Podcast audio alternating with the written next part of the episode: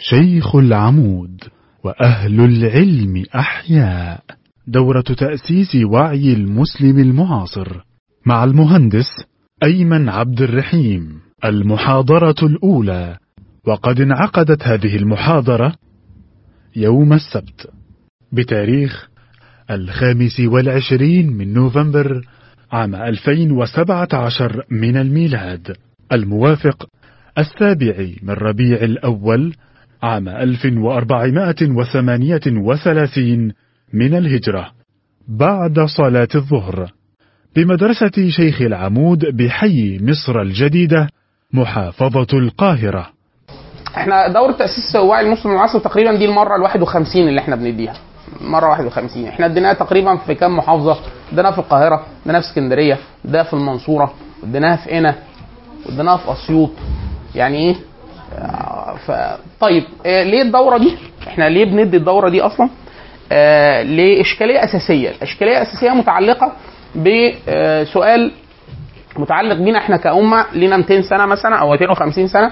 أي حد بيبص للأمة الإسلامية آه، بيستشعر شعور كده غالب عليه من غير حتى تحليل أو كلام كتير يعني إن آه، آه، موقفنا الحضاري والعلمي والتقني والعسكري وكذا حتى الشرعي لا يتناسب اطلاقا مع آه، آه، الموارد المتاحة لنا الموارد دي من أول آه، إن هو آه، معانا دين عظيم جدا واخر رسالة آه، من السماء إلى أهل الأرض. معانا آه، خاتم الأنبياء والمرسلين. معانا أكبر كم من الموارد ممكن تجتمع لأمة عبر التاريخ. ده ما حصلش قبل كده إن في أمة كانت بالامتداد الجغرافي ده مع كم التجانس ده. في امبراطوريات آه حصل قبل كده. يعني الإسكندر المقدوني مثلا طلع من أوروبا راح وصل أفغانستان وجه مصر هنا عملوا له معابد وبتاع. الراجل يعني إيه برضه آه، لف لف. بس ما فيش مرة ما حصلش ابدا إن حد اتحرك في نفس الحيز الجغرافي ده مع نفس التجانس الدياني يعني أنت مثلا تروح من هنا روح أندونيسيا. هتلاقي الناس بتتكلم عربي بتصلي وبتقرأ نفس القرآن بنفس اللغة بنفس النص مفيش أي تغيير. روح نيجيريا نفس الحكاية. مسلمين في البرازيل نفس الحكاية. مسلمين في آخر حتة في أفريقيا نفس الحكاية. أي حتة.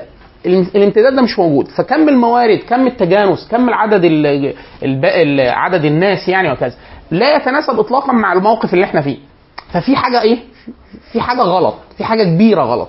طيب إيه سبب ال- ال- ال- المشاكل اللي إحنا فيها؟ ده هو الدورة بتحاول تعمل ده. بس هل ده من أول بعثة النبي صلى الله عليه وسلم؟ لأ إحنا الدورة بنحاول نجاوب على السؤال ده. إيه سبب ال- الخلل اللي موجود فيه الأمة ده؟ من أول 1492 1492 ميلادي. ليه 1492 لأنه ده التاريخ اللي أخرج فيه المسلمين من غرناطة من الأندلس وبدأت حركة الكشوف الجغرافية. يعني أوروبا لأول مرة في تاريخها منذ الفتح الإسلامي الأول تتحول لقوة قوة خارج أوروبا بتدور على حاجة بره القارة. ده أول مرة يحصل. قبل كده كان المسلمين وصلوا لمرحلة إن هم محاصرين أوروبا. محاصرينها من الداخل. يعني إحنا في اللقطة قبل كده ب 100 سنة مثلا لا المسلمين موجودين في الأندلس آه، المسلمين محاصرين آه، أوروبا من الداخل. إحنا 1450 المسلمين آه، أسقطوا بيزنطة الشرقية اللي هي دخول محمد الفاتح أو محمد الثاني دخول القسطنطينية. 1452 فاحنا بينا موجودين جوه وبناخد ممالك من الداخل وخلاص العالم الباقي باقي العالم الإسلامي العالم العالم باقي القارات. تقريبا تحولت الإسلام بكم؟ 80% 70% في واحد اسمه آدم سيلفرستاين ليه كتاب اسمه مدخل إلى التاريخ الإسلامي؟ بيقول لو إحنا تصورنا زائر مريخي واحد جه من المريخ على رأس ال 1500 ميلادي 1500 يتصور إن هذا الكوكب مسلم. الكوكب كله. ليه؟ لأنه الأمريكتين لسه ما كانش دخلوا معانا في الحسابات الحضارية يعني. فبقي إيه؟ بقى إيه؟ أوروبا وافريقيا وآسيا، الإسلام كان اجتاح آسيا كلها كلها. يعني خلاص المسلمين واخدين جمهوريات آسيا الوسطى واخدين جزء كبير جدا من ما يعرف حاليا بروسيا أو الاتحاد السوفيتي قديما الجزيرة العربية كلها طبعا دي مهد الإسلام. إيران وأفغانستان وجزء كبير جدا من الهند الإمبراطورية المغولية دخلوا في الإسلام. السواحل الإسلامية دخلت وسلاطين المسلمين بقوا موجودين في إندونيسيا وملاوي والفلبين. كل هذه المناطق كلها بقت مسلمة. فانت تحط إيدك على الخريطة في اي حتة. مسلمين وسلاطين مسلمين. في اندونيسيا في الفلبين في الهند في خانات المغول اللي في النص في ايران افغانستان ال- الدول الإسلامية شمال الافريقي جنوب الصحراء الدول ال- غرب أفريقيا اللي هي الموحدين والمرابطين نزلوا كمان. خدوا السنغال وخدوا بوركينا فاسو وكوت ديفوار. فكل المناطق دي بقى فيها الإسلام بقى إيه؟ هو إيه؟ الغالب. فإيه الباقي مش مسلم؟ إيه الباقي لسه مش مسلم؟ آخر جزء في أفريقيا من الغرب. الشرق تحول الإسلام خلاص.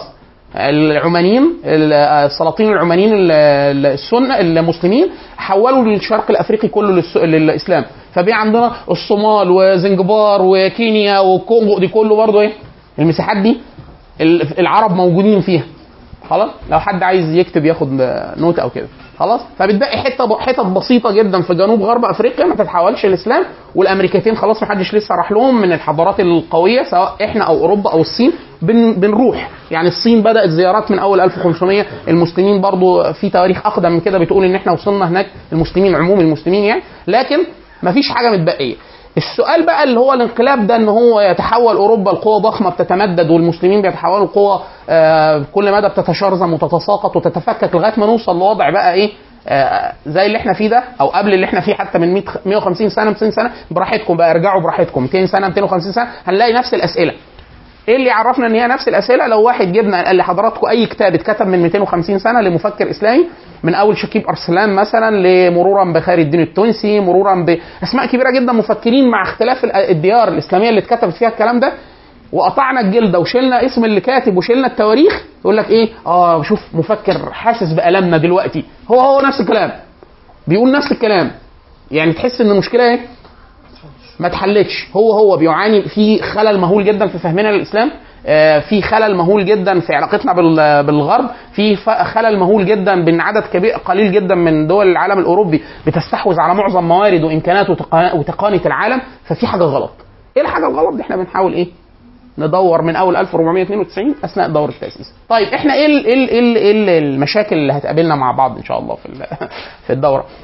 دي مشاكل مع بال بال بالاستقراء يعني ده حصل معانا قبل كده. إن في حد دايما إحنا إيه كل واحد بيبقى ماشي في الدنيا بمجموعة من المصطلحات والمفاهيم. المصطلحات والمفاهيم. أي حد بيخض في الاثنين بي بي بيحصل له هزة. زي إحنا بالظبط لما إيه آه، بنقابل حد آه، من الشام آه، حد من خارج مصر آه، حد من المغرب بالذات المغرب وتونس. ليه؟ إحنا بنبقى حاسين إن إحنا عرب ومسلمين واخوه يعني وكده. فبنبدأ الكلام تلاقي الكلام اتغير. اسماء الحاجات اتغيرت. آه، نطق الكلام اتغير. الكلام بيه مش مفهوم. آه، أمي زمان كانت آه، راحت كنا في السعودية زمان وأنا طفل يعني. فكان معاها ستات أصدقائها جيرانها يعني. فكانوا يقولوا لها أنت بتعملوا بندورة؟ هتشتري بندورة؟ فماما يعني إيه؟ بدأت المصطلحات بقى خلاص بدأت المصطلحات تتهز يا فندم. فتقول لهم اللي هي إيه؟ اللي هي إيه؟ إيه البندورة؟ في الآخر طلعت ب- كان فوق فلسطينيات أظن أو حاجة زي كده. الشام عموما فلسطينيات الأردن لبنان سوريا آه، قولوا على الطماطم آه، بندورة. فأنت المصطلح اتهز. يعني إيه؟ هي دي مش دي الطماطم اللي إحنا بناكلها؟ برضه واحد صديقي تونسي مرة كنا كان بيدرس هنا في الأزهر زمان ورجع تونس. فبقول له آه، ما تيجي نجيب يوستفندي؟ فهو قاعد يبص اللي هو فين؟ إيه بقى؟ يعني هو حاسس إن أنا أعمل معاه حركة أكله حاجة جديدة. ياضا اهو يعني قدامنا برتقال وإستفندي. خلاص كان الموسم بدأ. قال لي اللي هو فين؟ لا دعم. بقى أنا مصاحبه ليا ثلاث سنين وما أعرفش إن هو ما بيشوفش. فين ياض في- ده ده, ده إيه؟ فقال لي لا ده ده اسمه بضامينه والله هو ده اللي قاله. يا فقلت له ال- اللي هو إيه بضامين إيه؟ مستغرب لا ما هو ما يعرفوش. لا يعني هي مش عشان كلمة غريبة عشان هي المصطلح اتغير المصطلح اتغير. فقلت له إيه بضامينه ده بقى؟ قال لي هو ده البتاع اللي أنت بتشاور عليه. فإحنا كده إيه؟ بس دي مشكلة سهلة. ليه؟ ليه مشكلة سهلة؟ إن أنا أول ما أقول له المصطلح خلاص أنت مسميه إبراهيم وأنا مسميه يوستفندي إيه خلصنا. ما هو يوستفندي جاية من يوسف برضو يعني الأسماء كلها أسماء. خلاص؟ لكن المشكلة في المفاهيم. ليه بقى؟ لأن الإنسان سواء درى أو لم يدري هو بيبقى في عنده كم معين من المفاهيم المفاهيم دي أول ما بتتجمع مع بعض بتكون نمطه بتكون هو شخصه. عشان كده في أحيانا في واحد بيصاب في مفهوم في مقتل أحيانا بينتحر أحيانا بيغير دينه وأحيانا بيغير فلسفته. عشان كده تلاقي مثلا إيه واحد طول عمره مثلا يساري أو ماركسي تيجي عنده لقطة معينة وأسلم. الله! طب ده أنت كل طول عمرك كنت معادي تماما لده. حد لو متابع آه، فكرة ال- المخرج الهولندي اللي عمل فيلم مسيء للنبي صلى الله عليه وسلم. الراجل ده أسلم.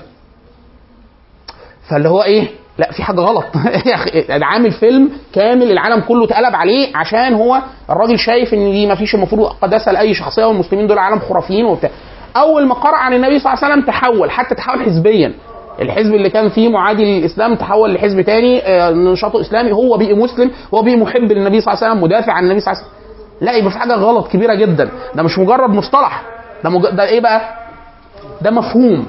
هو إيه الإسلام؟ هو إيه الدين؟ هو إيه الله؟ هو إيه؟ وهكذا. خلاص؟ فإحنا اللي إحنا بنحاول نعمله الخطورة الكبرى اللي الناس يعني بالاستقراء تعرضت ليها هنا من الدورة اللي هي فكرة إيه؟ الخلل في المفاهيم. إن أنت بيبقى عندك في مفهوم معين بيحركك. أنت بتتحرك. ما دام أنت عايش وجيت هنا لغاية ب... وصلت لنا هنا بإرادتك الحرة في الدوره معناها إن أنت بتتحرك في الدنيا. فاللي حركك مفاهيم يعني انت جيت هنا ليه؟ أكيد في مفهوم حركك. لو قعدنا نجرد في الآخر هتقول إيه؟ والله طلب العلم. ده مفهوم. طلب العلم ده لو جربناه يعني أنت عايز ثواب. يعني أنت عايز تخش الجنة. يعني في مفهوم للإله ومفهوم للدين ومفهوم للسعي ومفهوم لل خمس ست مفاهيم هم اللي بيحركوك. واحد تقول له أنت بتدرس إيه؟ طب أنت هتتجوز ولا مش هتتجوز؟ طب أنت كل حاجة إحنا بنعملها بتحركنا مجموعه من المفاهيم. الدورة أحيانا بما إننا بنبقى بنستعرض قدر كبير من المفاهيم فالناس يقول لك إيه؟ أنا مفاهيمي ضاعت. يعني أنا كنت داخل بمجموعة مفاهيم خلاص أساسية. فإحنا عملنا إيه؟ من غير ما نقصد طبعا إحنا مش قاصدين يعني أنا بوظ مفاهيمه. آه، إن هو إيه؟ يقول لك أنا كل مفاهيمي الأساسية باظت. طيب طيب إيه مشكلتك؟ يقول لك أنا مش عارف أروح فين. يعني دلوقتي أنا قاعد من غير مفاهيم ومش عارف يعني إز إزاي؟ إزاي؟ أنا أضرب مثالين. المثال الأولاني متعلق بمفهوم الأمة. إحنا أي حد بتقول له مثلا يا إخوانا إحنا عايزين نعمل عمل خيري عايزين نتبرع مش عارف لاخواننا في الصومال. آه ليه؟ يقول لك عشان الأمة. خلاص العبارة الجملة خلصت. خد فلوس هات بتاع. يعني إيه؟ مفهوم الأمة واضح. فإحنا هنا بنقول له إيه؟ مثلا من المفاهيم اللي بنتعرض لها بنقول له طب هي إيه مفهوم الأمة؟ لا لا معلش لحظة. هو واضح مفهوم الأمة؟ فيقول لك آه واضح. وبتتحرك بيه. آه إحنا نفضل كده ساكتين من غير غلاسة؟ لا. فبنقول له إيه؟ لا طب هو إيه مفهوم الأمة؟ لا معلش قوله كده. فواحد يقول لك لا ما واضح. لا مفهوم الأمة ده ليه 10 مفاهيم على حسب أنت مين. يعني مثلا هب إن أنت قطري. قطري يعني آه، راجل مؤمن بالدولة. يعني مصر مصر المصري مصري تونسي تونسي كل واحد إيه؟ يعني إحنا اللي هو بيسموه المفهوم القطري إن إحنا الدولة القطرية. أنا انتمائي ليه؟ فمفهوم الأمة بالنسبة له هو إيه؟ مصر. فلما أقول لك أنا عايز نعمل حاجة للأمة فهو بينسحب دماغه ما بتعرفش تبعد أكتر من إيه؟ من مربع النستو اللي على الخريطة ده اللي هو إيه؟ حدود مصر. أي حاجة بره يقول لك إحنا مالنا. كتير بقى. واحد يقول لك لا لا يا أخي ما فيش كده. لا في كتير. كتير. سواء درى أو لم يدري. يعني مش لازم يكون فيلسوف ولا مثقف. يعني أنا مرة مش عارف بكلم حد آه، كان سواء تاكسي ولا حاجة موصلني في مشوار فبقول له مش عارف إيه. جت سيرة فلسطين. فقال طب إحنا مالنا؟ فبقول له إحنا مالنا بإيه؟ قال لي بفلسطين قلت له لا ما بكلمكش عن فلسطين. ما بكلمكش على الأرض. أنا بكلمك على ال ال ال الحتة دي بتاعت مين؟ قال لي بتاعتهم قال لي هي بتاعت مين؟ فلسطينيين اللي هم مين؟ ما أنا عايز أوصله للانتماء يعني إمتى كان في فلسطين أصل هو هنا الجميل إنه مفيش دولة فما يعرفش يمد الخط يعني إيه يعني إيه مد ورا شوية فقال لي بتاعت الفلسطينيين اللي هم مين؟ اللي كانوا قاعدين في الحتة دي اللي هي كانت تبع إيه؟ أنا عايز أرجعه ينطق ببقه إن هو يقول إيه؟ الحامية الانجليزيه الحماية الإنجليزية فأقول له قبل الإنجليزي يقول الدولة العثمانية حلو قبل الدولة العثمانية. فيعني إيه؟ مش بتاع ما فيش حاجة اسمها فلسطين لأنه الاختراع ده مش موجود. دي حاجة تبع المسلمين. فالأمة المفروض تنتلج ده فأنت فتعبني. ما يعني ما عرفتش أي أجيبه يمين أجيبه شمال. هو مفهوم إيه؟ هل الراجل ده فيلسوف ولا حاجة؟ لا بس عنده مجموعة مفاهيم بتحركه. فنقول له تتبرع للصومال يقول لك لا يا عم ما أنا اتبرع بيهم في شبرا ولا أي حد ولا في ناهية ولا ليه؟ أنا أنا عندي مفهوم ضيق جدا ليه الانتماء طب واحد أوسع شوية مثلا جمال عبد الناصر لما كان بيتكلم عن الأمة هو بيقصد أنهي أمة؟ الامه العربية. فدايما الكلام على الأمة من المحيط الهادر للمش عارف ال- حاجة الغابر يعني حاجة كده موزونة. فاللي هو فكرة إيه؟ ان أنا أروح المغرب ده عربي. يبقى تبع إيه؟ موريتاني. تبعنا. طب السنغال؟ لا مش تبعنا. ليه؟ ليه السنغال لا؟ يعني السنغال ممكن يكون فيها حفظة قرآن آه، وناس بتتكلم لغة عربية أحسن من العرب. السنغال دي اللي هي مهد الدولة المرابطية. في التقسيم وتشاد تشاد والنيجر والصومال 99% مسلمين. الصومال 100% ما عندهمش هم كلهم مسلمين. خلاص؟ وهكذا. فيقول لك طب إيه ده؟ فمفهوم الأمة ده أوسع شوية من القطري بس إيه؟ برضه إيه؟ مقفول. بيدخل ويطلع برضه ناس بمزاجه. فأنا لو قلت له أنا مهتم بأوزبكستان. فاللي هو إيه؟ اخترعوا لنا بقى أسماء دول بقى. يعني اخترعوا بقى. لا ما مش أسماء دول. تسمع عن الإمام البخاري؟ آه اسمع. يقول لك لما إحنا إحنا غلطنا في البخاري. العوام بتقول كده. من باب تعظيم صحيح البخاري في القديم يعني. فيقول لك إيه؟ البخاري. البخاري ده بقى من اوزبكستان شوف يا أخي يا مؤمن. شوف عرفتها لوحدك أهو. فهو يقول لك ماشي بس ده كان زمان. يعني لا مش زمان قوي يعني. هو مفيش حاجة اسمها زمان في الأمة الإسلامية. الانتماء ملوش دعوة بالزمان وبتاع. برضه متعب ده. ده إيه؟ بيتعبنا برضه. طيب ده مفهوم ال- ال- الأمة القطري. طب في أوسع؟ آه آه أوسع. في واحد بيبقى إسلامي. انتمائه العام لأي شيء للإسلام وعدد المسلمين العام في أي حتة. سواء بقى جوه الدول الدول العربية مش دول الدول العربية. لو في مسلمين في في في أوروجواي معاهم. نحن نؤيدهم. خلاص؟ طيب مفهوم الأمة عند الإسلامي ده شكله إيه؟ فيقول لك لا كل مسلم على وجه الأرض ينتمي للأمة. حلو. ده المفهوم إيه؟ بحبوح. ففي حد مثلا في آه، اسمها إيه دي؟ بورما. فين بورما دي؟ يعني يمين الهند وأنت داخل كده على آسيا. خلاص؟ الحتة دي فيها مين؟ مالناش دعوة. هم مسلمين؟ آه. طب أنت تعرف عنهم؟ لا ما أعرفش بس ينتموا ليا وأنا أنتمي ليهم. ليه؟ المعنى معنى الأمة عنده بالنسبة له إيه؟ كل المفهوم ده ما بيوسع. إيه اللي بيحصل بقى في المشا... في الحركة؟ إحنا بنقول المفهوم ده بيحركه. بيخلي الحركة بتاعته في حاجات ما يعملهاش وحاجات يعملها. فمثلا الراجل اللي هو بتاع الأمة العربية ده فأنت قلت له مثلا لو قلت له في مسلمين وبتاع يقول لك والله يعني ربنا يساعدهم بس إحنا انتمائنا مرتبط فممكن ما يتحركش القضية مهمة جدا بسبب إيه؟ المفهوم القطري أضيق خالص الثاني واسع جدا ممكن يتحرك. خلاص؟ طيب هل المفهوم ده أوسع مفهوم للأمة؟ فاحنا بنقول لا في مفاهيم أوسع من كده شوية للأمة نفسها. إيه الم- المفهوم؟ اللي هو التمدد الزماني. الزماني اللي هو إيه؟ أنا قاعد دلوقتي تلاقي واحد قاعد بيقرأ كتاب تاريخ وبيبكي أنت بتبكي ليه؟ يقول لك المسلمين خسروا بواتيه. معركة بواتيه اللي هي تور بواتيه اللي إحنا بنسميها بلاط الشهداء. في فرنسا. فأنت بتبكي ده طب هم خسروها إمتى؟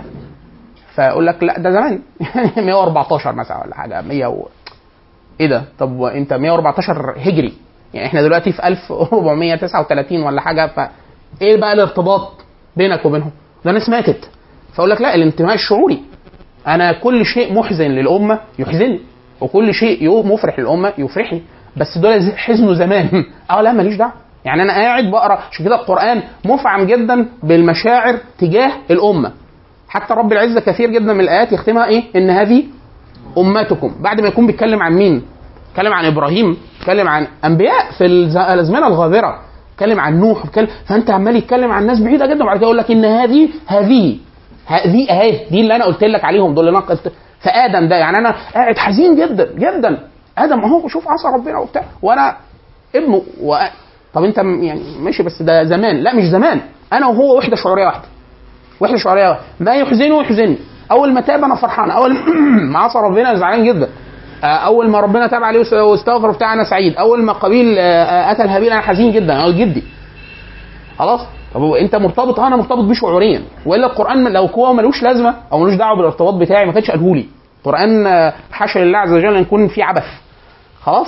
فالقص ده اللي عبرة إن أنت ينمى عندك مفهوم الأمة بالمعنى الإيه؟ طب هو ده أوسع معنى؟ لا القرآن ما بيوقفش عند الحتة دي. طب يقول لك لا خلاص إحنا كده مفيش حد تاني. يعني إحنا خلصناهم كده. لا في في اللي هو المسلم اللي هيجي. هلا ده ما جاش. يعني كده إحنا هنشتغل نفسنا. يعني ده ليه؟ لا لا ده تهتم بيه شعوريا جدا. انت تبقى قاعد عارف عامل زي إيه؟ لما ت- آه، ربنا يحفظ والدينا وجدودنا. في أجيال تلاقي كل واحد في الغالب معظم الاجيال اللي موجودة حاليا ده موجود. الظاهره دي هتختفي في الأجيال اللي, اللي, جاي على طول. اللي هو كان قاعد يقول لك إيه؟ أنا هشتغل وأعمل كذا وأحوش عشان أجيب شقة للواد الأولاني. التاني بقى هجيب له هو فين الأولاني؟ فين التاني؟ يعني ممكن أحيانا يقول لك إيه بص لا أنا أخش إيه؟ أنا أشتري أرض. من لما أخلف الواد يكبر. أول ما يوصل مش عارف إيه أكون جهزتها له. ده بالمفهوم الإيه؟ المستقبلي إن هو لسه في عيال جاية وبتاع. هو عمال يعني أنا مثلا جدي وأبويا لولا إن هو عمل كده ما كنتش هقدر أتجوز. لأن الجواز حاليا مغامرة ضخمه جدا. هتعملها إزاي دي؟ يعني أنت جوزت إزاي هتعمل عملتها إزاي دي؟ ليه؟ لأن تناسب عمرك. عمرك مع سعر العملة مع أسعار الأشياء في مصر مش مش هتلحق. يعني لازم يكون عمرك مثلا حركة 350 سنة بحيث تتجوز 300 آه، تم- تموت 350 ولادك يكملوا المعركة. حاجة كده. فاللي هو إيه لا هو لولا إن هو فكر فيا وأنا لسه جاي ما كانش في كان حياتي هتبوظ. خلاص؟ المفهوم ده لما يطبق على الأمة تلاقي إيه؟ إحنا مثلا قاعدين في والله زي الشقة دي مثال. إحنا الشقة دي وقف. دي موقفه علينا موقفه على شيخ العمود. في حد بنت اسمها أستاذة يسرا الله يرحمها كانت بتحضر معانا. بنت جامعية في ثانية أو ثالثه أو أولى مش فاكر. توفت. خلاص بدون أي بدون أي سبب. يعني صلى الله على محمد. يعني بين يدي الساعة يكثر موت الف- الفجاءه أو الفجأه خلاص؟ فأهلها أوقفوا علينا الشقة دي. خلاص؟ الشقة دي موقفه على مين؟ على مسلمين مستقبليين يعني إحنا مثلا لو قدر إن آه، ممكن تاخد منها الطبق. آه أيوه. أنت كده هتبقى إنسان عظيم. لا هات الطبق الأول وبعد كده نجيب ال- أيوه. اعملوا مبادلة. شكرا. بس كده. خلاص يا إخوانا؟ لو حد هيجي بعد 20 سنة هينتفع بالبتاعة دي هو ده داخل في مفهوم الأمة اللي هي ما شافتهمش وأبوها ما شافهاش ولا حد أصلا ليه علاقة بيهم. ده جاي. لولا إن المفهوم ده موجود ما كناش هنوقف الأوقاف ولا نعلم العلم ولا نعمل أي حاجة مستقبلية ليه؟ لأن هنبص تحت إيه؟ تحت رجلينا. عشان كده النبي صلى الله عليه وسلم صلى الله على محمد. لولا أن هذا المفهوم حاضر في قلب النبي صلى الله عليه وسلم كان اهلك جميع الكفار بذراريهم وهم في ظهورهم قبل ما يطلعوا لا مسلمين ولا كفار. لما جاله ملك الجبال بعد حادث الطائف فقال فسلم على النبي صلى الله عليه وسلم وخيره. وقال إيه إن شئت أطبق عليهم الاخشبين جاب لك الجبلين اللي حوالين مكة دول وطبقهم عليهم كلهم يموتوا. يرضيك كده؟ لما فعلوه بالنبي صلى الله عليه وسلم وأساءوا ال- الرد والأدب وكفر عناد وكفر إعراض جميع أنواع الكفر. فالنبي صلى الله عليه وسلم بأنهي مفهوم بأنهي مفهوم رحمهم بمفهوم الأمة. اللي هو إيه؟ قال إيه؟ لعل الله يخرج من ظهورهم من يشهد أن لا إله إلا الله. ده جاي لسه ده ما اتولدش ده في ظهر أبوه أبوه لسه ما هو ده. هو ده المعنى اللي حبس النبي صلى الله عليه وسلم عنه. خلاص؟ المعنى ده موجود في الصحابة. عمر بن الخطاب في الأراضي المفتوحة. أول ما الصحابة فتحوا الأراضي المفتوحة في ناس قالت إيه؟ من الصحابة. زي ما فعل النبي صلى الله عليه وسلم نقسمها بيننا. فقال لهم لا لا كده المال المال هيبقى بتاعكم وبتاع ولادكم ويتوارث فيكم. قالوا طب مش إحنا اللي فتحناها بسيوفنا قال طب والمسلمين اللي هيجوا؟ بعد كده عمر بن الخطاب هو عادل في المسلمين اللي موجودين. بس لا هو عادل في الأمة. يخلف النبي في الأمة. الأمة اللي هي إيه؟ اللي هم لسه هيجوا برضه. فقال لا لا يحفظ لهم المال. طب يحفظ لهم المال إزاي؟ قال لا ما تتملكش. محدش يتملك في الأراضي المفتوحه أمال إيه؟ يضرب عليها خراج يعني ياخد ياخد عليها ما يشبه حاليا الضرائب أو حاجة زي كده آه، على حسب الأرض دي بتاعت مسلم ولا غير مسلم ياخدها يحطها في بيت المال. بيت المال يطلع منه رواتب لجميع المسلمين. أنت بقى هتتولد بعد 20 30 40 سنة بيت المال قاعد آه، موارد الدولة موجودة. أنت تجي لك إيه؟ تجي لك فلوسك. فهو لم يرضى إلا إنه يعدل في المسلمين اللي موجودين ده أعلى مفهوم للأمة؟ لا. في مفهوم أوسع. وإحنا خلصنا كده بقى زمان وخلصنا قدام وخلصنا اللي موجودين. هنستورد كائنات من يعني في مفهوم أعلى تاني كده؟ آه في مفهوم أعلى اللي هو إيه؟ الكفار نفسهم اللي موجودين على وجه الأرض. واحد يقول لك طب ما أنت قايل يا بيه بلسانك أهو. كفار. كفار يخشوا معانا في مفهوم الأمة إزاي؟ آه إن هو الأمة المحتملة. النبي صلى الله عليه وسلم قال اللهم انصر الإسلام. باحب العمرين. طب اللي هم مين العمرين ده أبو جهل وعمر بن الخطاب. والاثنين كانوا كفار والاثنين معادين للإسلام وبيعذبوا المسلمين. طب ينصروا إزاي؟ يسلم فينصر الإسلام. يسلم فانصر الإسلام. في م- قصة مشهورة جدا بتاعت جرجيس أو جرجس آه، اللي هو وقعت مع سيدنا خالد بن الوليد. خالد بن الوليد في فتوح الروم في القتال. جاله واحد قبل اليرموك قال له إيه؟ قال له أنا عايز أكلم خالد بن الوليد. هاتوه أكلمه. قبل المعركة فجاله. قال له انت عايز إيه؟ قال له انت آه، النبي بتاعكم اداك سيف ما بيتكسرش وما بيخسرش ومش عارف إيه فضحك سيدنا خالد الوليد قال له لا لا أنا أنا أنا سيف الله المسلول يعني هو بيسال عن سيف الله المسلول فاكر ان هو إيه؟ آه، هيركليز مثلا بتاع حاجة يعني بطل خرافي فسيدنا خالد قال له لا لا لا أنا أنا أنا سيف الله المسلول ده صفة ليه هو فقال له طيب هو أنتوا إيه دينكم؟ فقال له ده إحنا النبي صلى الله عليه وسلم قالنا إحنا كنا على جاهلية وكفر وشرك وكذا فأمرنا بتوحيد الله عز وجل والإحسان وكذا وقال له إيه؟ تعليم الإسلام مضغوطة بما يعرف بها ال- ال- الداخل في الإسلام. فقال له والله ده حاجة كويسة بس أنتوا خلاص ذهبتم بالسبق ما أنتوا أسلمتوا. فانتوا نصرتوا النبي ونصرتوا الدين اللي هو خلاص خدتوا يعني أنتوا خدتوا كل حاجة. فسيدنا خالد قال الوليد قال له لا إن أسلمت ممكن تحصل على أجر أعلى مننا. فقال له إزاي بقى؟ فقال له إنك إحنا نحن رأينا أشياء على مثلها أمن الناس. يعني أنت شفت النبي يكفيك. شفت آيات وقعت مع النبي صلى الله عليه وسلم لكن أنت جاي الإيمان بالغيب. تام لا شفت النبي ولا شفت آيات ولا شفت أي حاجة. وتسلم. فقال له تدرك الأجر وأعلى. فأسلم وقاتل مع المسلمين وقتل في هذه المعركة. رحمه الله. ده إيه اللي حق... تحول. ده من الأمة. عشان كده النبي صلى الله عليه وسلم لما حصر اليهود في خيبر فواضح المعركة يعني إيه؟ معركة مع اليهود وحصار النبي شخصيا جاي لهم بنفسه يعني لم يخرج سريه ولا كذا بذاته الشريف. وبعد كده قال لسيدنا علي قال إيه؟ قال لأعطينا الرايه الحديث المشهور قال لأعطينا الرايه غدا رجل يحب يح- يحب الله ورسوله ويحبه الله ورسوله. لما جاله سيدنا علي واداله الراية إحنا بنتصور إن هنقول له إيه؟ قول له أنا عايزك تدمر الحس تقتلهم كلهم. قال له إيه؟ قال له أول ما تفعل أدعوهم للإسلام. لا إحنا جايين نحاربهم. لا لا. أما محمد صلى الله عليه وسلم فبعث لهداية الناس ابتداء فقال له أول ما تدعو ادعوهم إلى الإسلام. فلان يهدي الله بك رجلا خير لك من حمر النعم. يعني لو واحد بس اسلم ده أنت كده يبقى أنت إيه؟ خير الدنيا والاخره طب ليه هو انت عايز منهم إيه؟ أنا عايزهم يتحولوا للامه. عايزهم يسلموا. فعشان كده المعنى ده المعنى ده لما كان ده اوسع معنى. انا عندنا اوسع معنى. ممكن في معاني تاني ممكن حد يتوسع اسد من كده ماشي. اللي هو إيه؟ المعنى ده لما المفهوم ده بيبقى راكب في دماغك تصرفاتك تبقى مختلفة تماما. تماما. عشان كده النبي صلى الله عليه وسلم في واحد يقول لك لا ده مش سلوك مش سلوك مقاتل. مش سلوك مقاتل. آه فعلا هو مش سلوك مقاتل.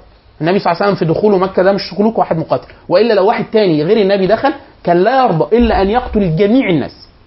جميع الناس. بسبب إيه؟ ما فعلوه. يعني هم لما كان بين ظهرانيهم آذوه يعني فلم يتركوا شيء في الإيذاء. ولما خرج راحوا وراه حربوه. وقتلوا أ- أعز الناس وأقاربه وكذا وبتاع. وقتلوا ناس من أهل المدينة وكذا. وبعد كده قلبوا الناس عليه. وبعد كده لم يرضوا إلا إن هو يحاصروه مش عارف. ولما عاهدوه نقضوا العهد. في أكتر من كده؟ في الآخر خالص النبي صلى الله عليه وسلم قال من دخل البيت فهو آمن. من دخل بيت أبي سفيان فهو آمن. إيه ده؟ هو عايز يعمل كده؟ لا لا ده أسلموا؟ أسلموا.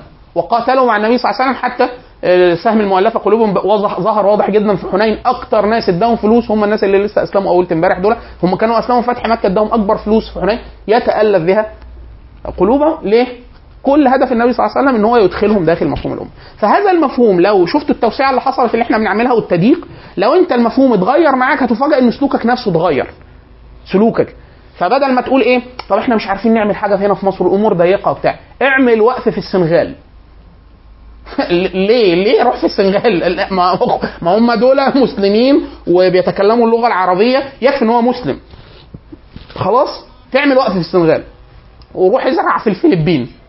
خلاص؟ وروح علم الناس لغة عربية في أندونيسيا. آه أي حتة. أرض الله واسعه خلاص؟ ومفهوم الأمة ممتد جدا فأنت تروح أي حتة. خلاص؟ فمفهوم الأمة ده بيوسع جدا بيوسع جدا. حركة المسلم بيخلي المسلم إيه؟ آه، ألم تكن أرض الله واسعة؟ تلاقي الأرض واسعة فعلا. أرض الله أر... لو هي أرض الله فعلا بمفهوم أرض الله تلاقيها واسعة جدا. لا يشعر إنسان بضيق ابدا مع المفاهيم الصحيحة. ليه؟ لو ضيقوا عليه هنا يمشي. مش عارف إيه عشان كده شيخ الإسلام ابن تيمية الحنبلي لما هدد بان هو يخرج أو يقتل أو يسجن فقال إيه؟ آه، ماذا ماذا يفعل أعدائي بي؟ إن قتلوني فإيه؟ قتل شهادة. خلاص كده ده أكتر أخطر حاجة ممكن يخاف بها فقتل شهادة. وإن سجنوني فسجني خلو. أنا كده خلوني أختلي بالله عز وجل وكذا في التعبد وبتاع. وإن أخرجوني إلى قبرص دعوت أهلها إلى الإسلام. هروح أنكد عليهم برضه هناك. يعني إيه هو الراجل إيه؟ المسلم كده دايما يقولوا كده المسلم كالغيث أينما حل نفع. واديني في النبي صلى الله عليه وسلم طردوه من مكة راح آه، دعا الناس هناك للإسلام عمل بيهم شوكة نشر الإسلام رجع فتح مكة ورجع شاب بقى يعني ما فيش النبي صلى الله عليه وسلم من أول البيع من أول الهجرة. لغاية آه، فتوح آه، فارس والروم كانت سنوات معدودة. سنوات الراشدين. يعني مثلا 10 سنين ولا حاجة كان النبي صلى الله عليه وسلم توفي ليه 10 سنين والمسلمين وقعوا الفرس وبياخدوا الشمال الأفريقي كله وهكذا. ليه فكرة إيه؟ إن هو لا أرض الله واسعة فعلا. بس لما تكون إيه؟ مفهوم أرض الله عندك. إن هي الأرض أرض الله عز وجل. لا هي مصر ولا هي آه، ال- ال- الرزق ولا هي. لا أنت تسيح في أرض الله تلاقيها واسعة. هي فعلا واسعة. لأن الله عز وجل وسع على الناس. ودي من رحمات الله عز وجل ومن صفاته. خلاص؟ طيب.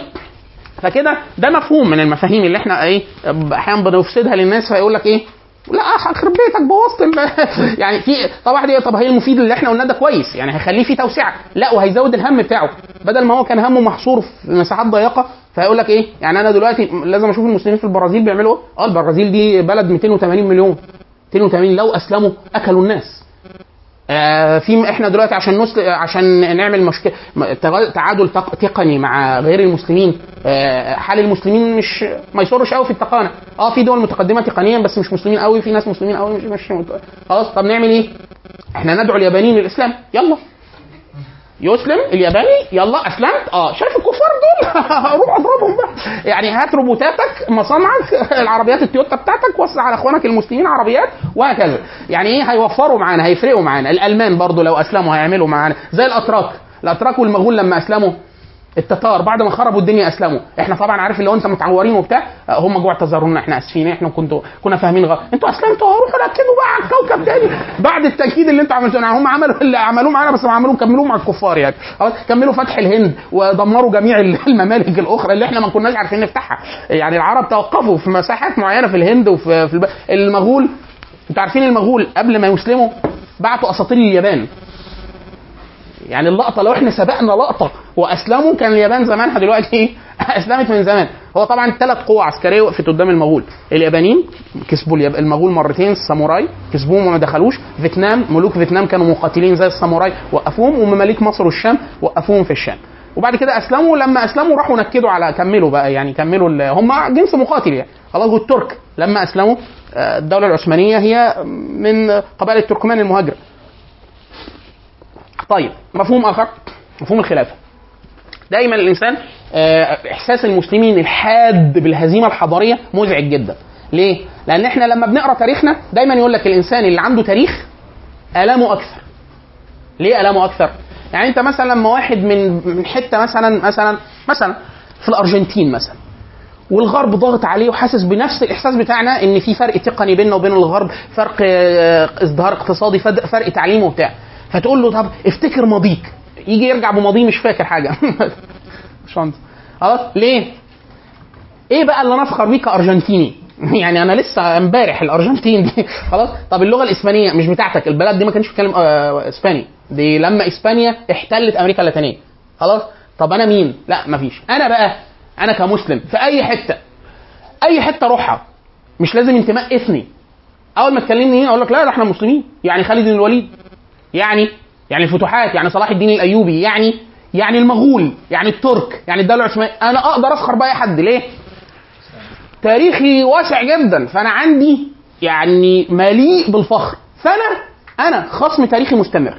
يعني يعني أنا طول الوقت عارف لما واحد يكون أبوه أبوه أبوه أبوه كل جدوده بشوات وناس أغنياء وبتاع. تلاقيه افتقر تلاقيه مش عارف إيه وبتاع. من جواه عزة نفس غير عادية. يقول لك ليه؟ يقول لك أصل ده من بيت. إحنا كده. اللي هو إيه؟ دي مشكلة المسلمين مع الغرب على الحقيقة. عشان كده أكتر مشاكل بتبقى معانا في تغيير الأفكار أكتر منه أي حاجة تانية. يعني يقول لك يبقى معاك تقانه ماشي بس ما يبقاش معاك تاريخك. مهم جدا. ليه؟ في دول يا اخوانا دول إسلامية معاها نووي. يعني الباكستان معاها نووي ومعاها صواريخ باليستية. آه، قرغيزستان معاها ترسانة نووية كويس. م- من دول جمهوريات آسيا الوسطى يمكن نتكلم عليها في آخر محاضرة خالص. آه، ماليزيا واندونيسيا من الدول تقنية عالية. بتعمل حاجات آه، تقنية عالية. اندونيسيا من الدول الصناعية الكبيرة وبتعمل تسليح وبتعمل طيران وبتاع وهكذا. فين المشكلة؟ ما يبقاش معاك التقانه ومعاك تاريخك. عشان كده الصين مثلا الصين حاليا عاملة مشكلة جامدة جدا للغرب. ليه؟ أنا تاريخي أقدم من أي حد موجود على وجه الأرض. فما ينفعش حد يزايد عليا. عشان كده الصينيين ما يحترموش حد غير للأسف. يعني يقول لك مصر أقدم حضارة موجودة على الكوكب معانا. اللي هو يقصد الفراعنة طبعا.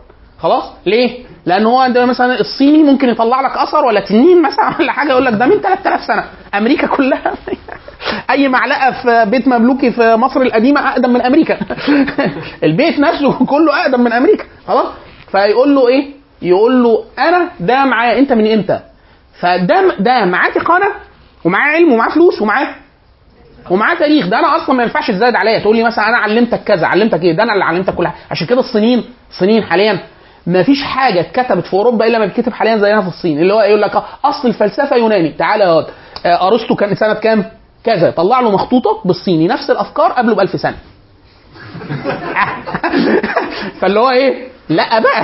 يعني تحرجني قدام زمايلي وعمال أقول أرسطو وافلاطون وبتاع. مولود سنة كام؟ أي حاجة. فعلا. في كتاب مشهور جدا اسمه الفلسفة الشرقية القديمة. مطبوعة عالم معرفة الكويت. الهند والصين الهند والصين يعرفوا يحطوا على أي حضارة موجودة على الكوكب. ما عدا الفراعنة. ليه؟ لأن هم يعني إيه؟ في قدر من تزامن. وحضارة بلاد الرافدين. العراق. ليه؟ لأن حضارة قديمة، قديمة موغلة في القدم، فأي حاجة تقدر تقول له أصل الفلسفة؟ يقول لك لا عندي. آه، أصل التقنية. النظم الإدارية الحديثة. الإدارة الحديثة. الحديثة دي. اللي الناس تعرفها دي اللي هي أمريكا هارتها في العالم دي واخدينها من بريطانيا. بريطانيا خدتها لما احتلت الصين. الكلام ده معلوم تاريخيا مدون. فاللي هو إيه؟ أنا تراثي يسمح لي بده. فمفهوم الخلافة مفهوم الخلافة أنا ده من المفاهيم ال- ال- ال- القوية عندي إن أنا أقول إيه؟ لا ده أنتوا دولة قوية ولا اتحاد أوروبي ولا أمريكا شوية ولايات أجمع لك 75% من دول العالم في اتحاد واحد. وقاعد يقول لك لا ما فيش أي حاجة تجمعه لا في. إيه؟ الإسلام. يعني أنا إيه اللي يخلي الهند ليها علاقة بتركيا؟ يا بيه دول ما قابلوش دول في أي ماتشات. يعني ما قابلوش في أي تصفيات. دول ما يقابلوش بعض ابدا. لا قابلوا الهندي المغولي ده كان خاضع للسلطان العثماني التركي من غير ما يقابلوا بعض. إيه السبب؟ الإسلام. طيب السنغال. لا ده سلاطين السنغال. السنغال ومالي كان فيها سلاطين كبار. خلاص مسلمين. دول كانوا خاضعين للسلطان العثماني. إيه ده؟ وأنت هت... أنت هتربط إيه بالظبط لا ده أنا هربط لك كل الساحل الشرقي في أفريقيا وكل الساحل الغربي Côte d'Ivoire والسنغال وبتاع وكل أفريقيا الوسطى وكل الشمال الافريقي ولو طلعت حاجة معايا في أوروبا زي الفل وألبانيا وقبرص والجبل الأسود كل ده معايا وأنا داخل. وكمان جورجيا. إيه؟ وجورجيا وأوكرانيا والبلاد اللي هي إحنا فيها إيه جو- جورجيا مثلا 5 مليون منهم مليون مسلم اتفتحت في العهد الأول. خلاص. كل جمهور بلغاريا العثمانيين فتحوها فترة طويلة جدا جمهوريات اسيا الوسطى كلها آسيا معظمها الهند البوسنه وهكذا. فأنا هعرف الضم إيه؟ ناس كبيرة جدا. مشكلة الإسلام إن هو إيه؟ لا يقدر إيه؟ فمفهوم الخلافة مفهوم مزعج. طب هو إيه بقى مفهوم الخلافة؟ إحنا عندنا بقى تصورات كثيرة جدا لمفهوم الخلافة. في مفهوم الخلافة اللي هو على قديمه اللي هو إيه؟ الخلافه إحنا عايزين عمر بن الخطاب. يعني نجيب عمر بن الخطاب. فاحنا بنقول ده مستحيل يحصل. ليه؟ لأنه التاريخ ما, بيرجع ما بيرجعش تاني. خلاص ده مفهوم تراثي. يعني ده حصل. لقطة الخلافه الراشدة دي كانت حصلت ساعتها. طب مفهوم الخلافة نفسه؟ لا ده مفهوم مفهوم. يعني ينفع يتحقق في أي وقت. النبي صلى الله عليه وسلم يقول ثم تكون خلافة على منهج النبوة. يعني ده إيه؟ مفهوم. طب هو إيه المفهوم؟ في ناس يقول لك الدكتور الأستاذ السنهوري را- آه، الله يرحمه أستاذ القانون كان عامل ال- ال- الدكتوراه بتاعته في السوربون في فرنسا باسم الخلافة. كان عاي... متصورها فكرة زي فكرة زي الكومنولث فكرة اتحادية ما بين عدة دول. مالك بن نبي ليه فكرة كومنولث إسلامي؟ كتاب بهذا العنوان. آه، في داعش آه، في مفهوم الخلافة اللي هو إيه إحنا نعلنها. هي إيه؟ الخلافة. هو مش محل. يعني مش هيقول لك افتتاح محل الخلافة. خلاص يبقى هو متصور إن حاجة لو إحنا أعلناها يقول لك هم كانوا ناسيين إيه؟ الإعلان. لو إحنا أعلنا طب طب أهو أعلنت. إيه اللي حصل؟ هو طبعا إحنا إحنا عندنا أربع خمس خلافات أعلنت في التاريخ المعاصر بس أنتوا يمكن الاعمار ما يعني مثلا أيام أفغانستان. في أواخر أفغانستان آه، في إعلان خلافة في الجبال. الخليفة ده لاجئ سياسي حتى الآن في بريطانيا. آه، كان استخبارات يعني. خلاص آه، داعش ده إعلان. أظن بوكو حرام مش عارف قالوا ولا لأ. بس يعني إيه؟ الجزائر قبل 20 سنة. والله؟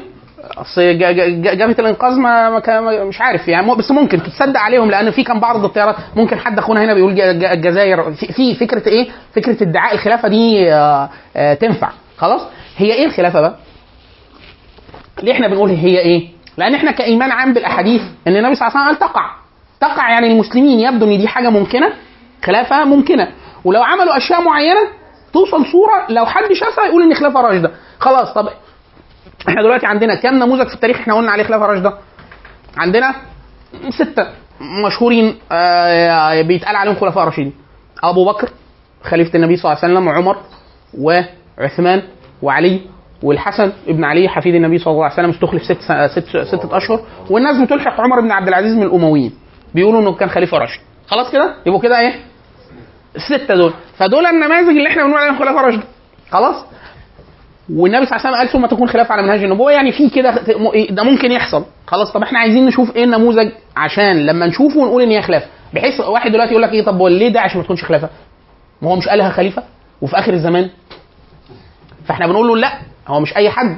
ده كان في معايير معينة. الناس وإلا عمر بن عبد العزيز قبله خلفاء كتير وبعده خلفاء كتير وجو في العباسيين ناس زي هارون الرشيد وبتاع. ما حدش قال عليهم خلفاء راشدين. بس قالوا على عمر بن عبد العزيز خليفة راشد. يبقى يبدو إن في معيار. يعني أنا كان ليا صديق اسمه باشمهندس أحمد العوضي كنا ساكنين مع بعض في أسيوط. كنا بنقرأ في كتاب تفسير الأحلام. فكان يقول لك من رأى خيل يحدث معه كذا كذا كذا. من لقى لقى بغل كذا كذا. من لقى حمار إيه مش عارف. الرؤى. خلاص وبعد كده بيقول لك إيه؟ هو جاي بيضحك. أحمد بيقول لي إيه؟ الرؤى بيقول إيه في الكتاب؟ من رأى ضعموسا فكذا كذا كذا كذا.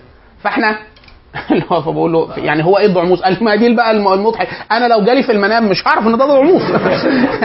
يعني آه، لو جالي في المنام أنا هبقى شو... يقول لك أنا شفت حاجة مش عارف أوصفها. قال لو هو الضعموس. ما أنت يجي ال- وريني بطاقتك. مكتوب ضعموس. زي الخلافة. لو أنا ما أعرفش هي إيه. لو ما أعرفش هي إيه. فالضعموس. اللي هو جه. جه؟ آه. طب ما أنا ما أعرفوش. ما أنا أعرفش إن أنت ضعموس. يعني هو أنت شفت في المنام؟ قال لك لما رأى الضعموس هيحصل له كذا كذا تاني يوم. هل بتعمل كده في.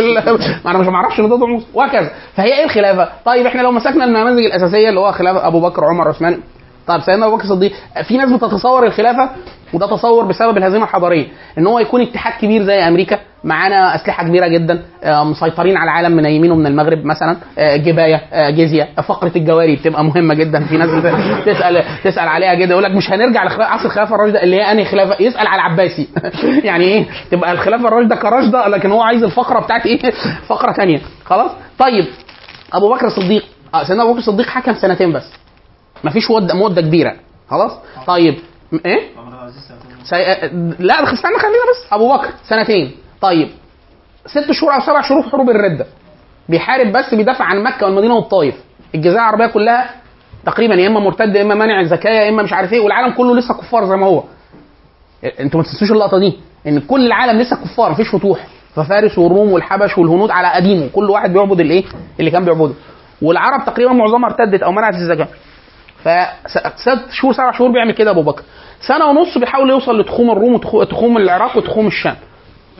على الحدود بس وتوفي. طيب كان في استقرار اقتصادي؟ لا. اقتصاد مالي؟ لا. ده الناس كانت مخوفة.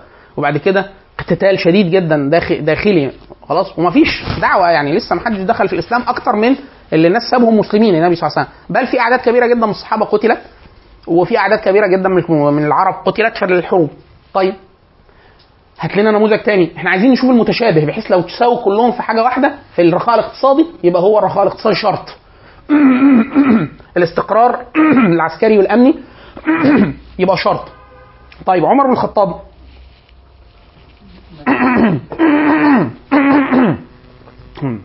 حد بيجيب في سيرتي؟ ممكن؟ عمر بن الخطاب. حكم 10 سنين. دي مدة كويسة. خلاص؟ طيب عمر بن الخطاب في رخاء اقتصادي؟ معظم الوقت.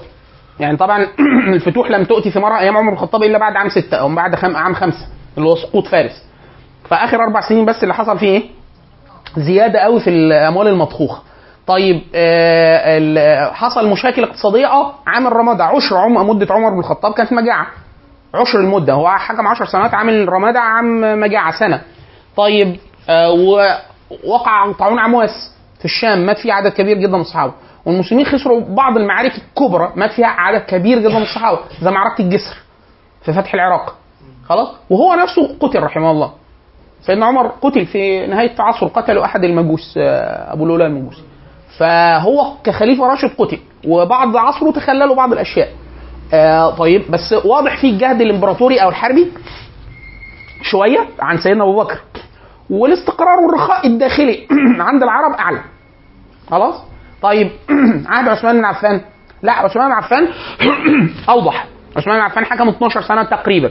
12 سنة. 12 سنة دول كان فيهم خلاص فارس أسقطت في قدر من الاستقرار قدر من الأموال في توسع كبير جدا عن المسلمين. لكن آه بعد أول ست سنوات في عهد عمر سيدنا عثمان خرج عليه مرتين وقتل في النهاية عثمان بن عفان.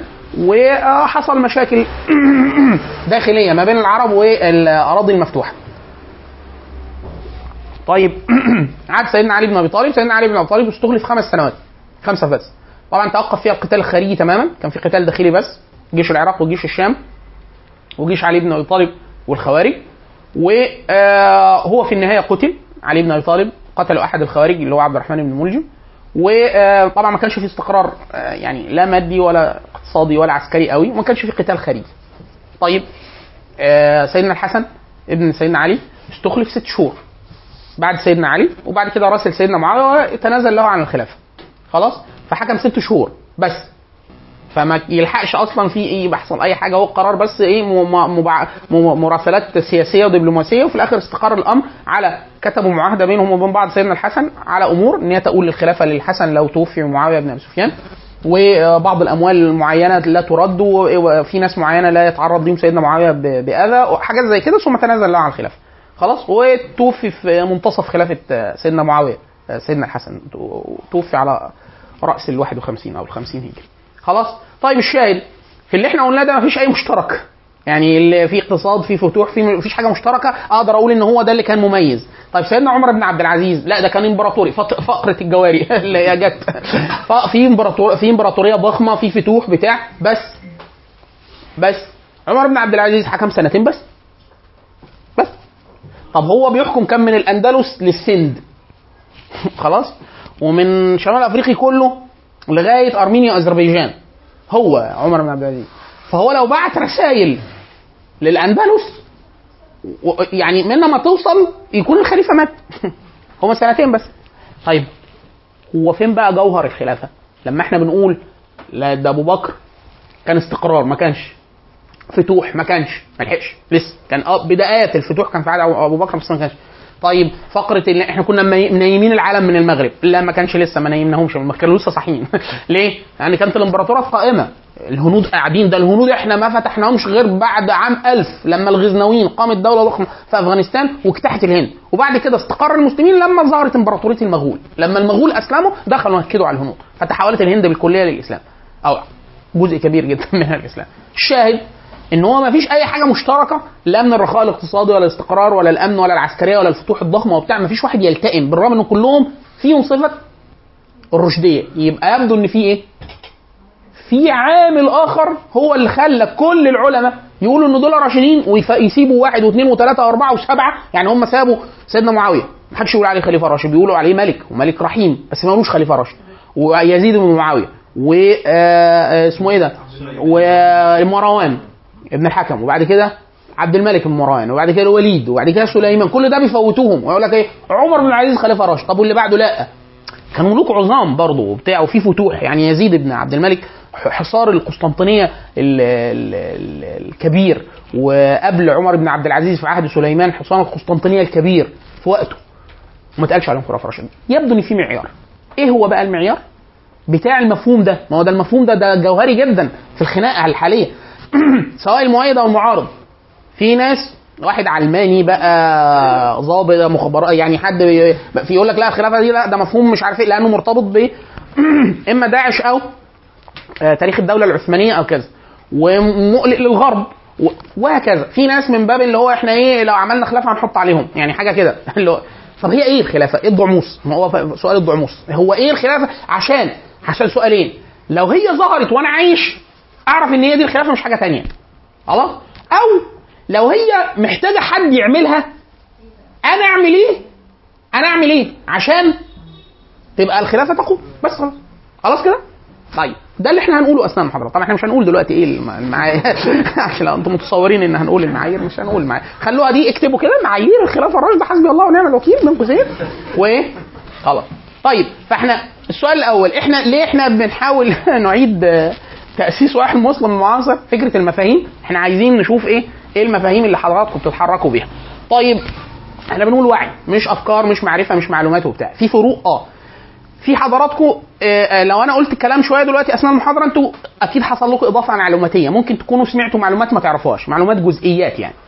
إيه الفرق بين المعرفة أو المعلومات والوعي؟ طبعا في تعريفات كتير في عده علوم لكن اللي إحنا هنتبناه أثناء الدورة وهو اللي مسمين اسم الدورة بيه اللي هو وعي المسلم المعاصر هو المعرفة التي يصاحبها إرادة للتغيير. يعني أنا لو اديتك كم معلومات كتير ما بيصاحبوش إرادة للتغيير يبقى إحنا ما عملناش إيه؟ ما عملناش حاجة. لكن أنا لما أقول لك مفهوم الأمة حصل كذا كذا أو مفهوم الخلافة اتغير كذا كذا كذا فأنت ينبني عليه عمل وحركة في الأرض يبقى أنت كده إيه؟ وعيك اتغير. وعيك. ليه؟ معرفتك اتغيرت وانبنى عليها إيه؟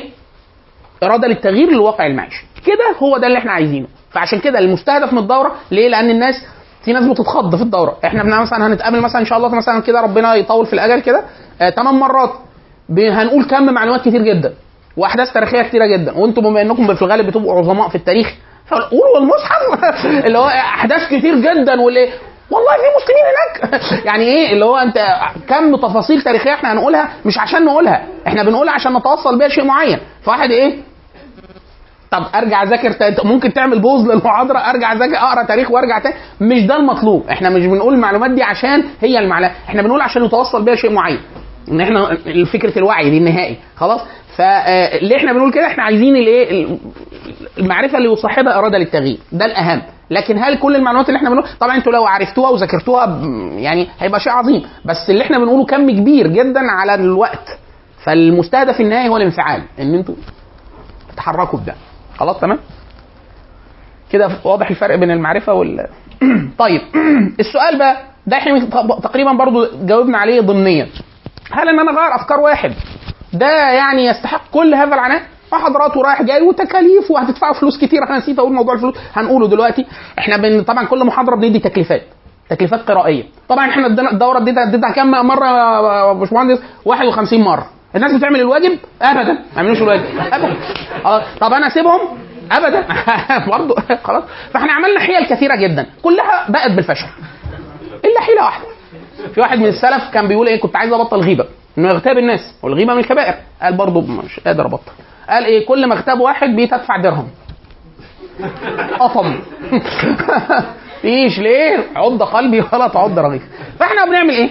من باب الازدهار والأوقاف. إحنا في وقف بنجهز فيه لينا ثلاث أربع دورات. بفلوسكم ان شاء الله هنكمل. فبنعمل إيه؟ كل واحد بنقول تكليف. طبعا في الغالب آه لا من المحاضرة دي إن شاء الله هنلحق تكليف ونلم فلوس المرة الجاية إن شاء الله. آه، آه، بنقول تكليف. جه طبعا إحنا وأنتم من كل ضمائركم. يعني إيه؟ يا تدفع التكليف يا تخش النار في الآخرة. يعني فتدفع التكليف أسهل. خلاص؟ فإيه بنقول التكليف قراءة مقال كذا ومقال كذا. واحد يقول لك مش لاقيه. اهو المقال. رافعينه على المجموعة من الأول وبتاع. خلاص؟ قرأته. كل واحد جاي المرة الجاية عارف يكون قرأ قراءه إيه؟ سليمة مش مبعثرة وبتاع وتموا للآخر. لو ناقص سطر هيدفع برضه. قريت المقالات تقعد يجي لك ظرف فاضي تعديه. ولا كانك شفته. ما عملش تكليف نصه ربعه ثلاث أرباعه 90% تروح حاطط فيه 5 جنيه ومدي لأخوك اللي جنبك.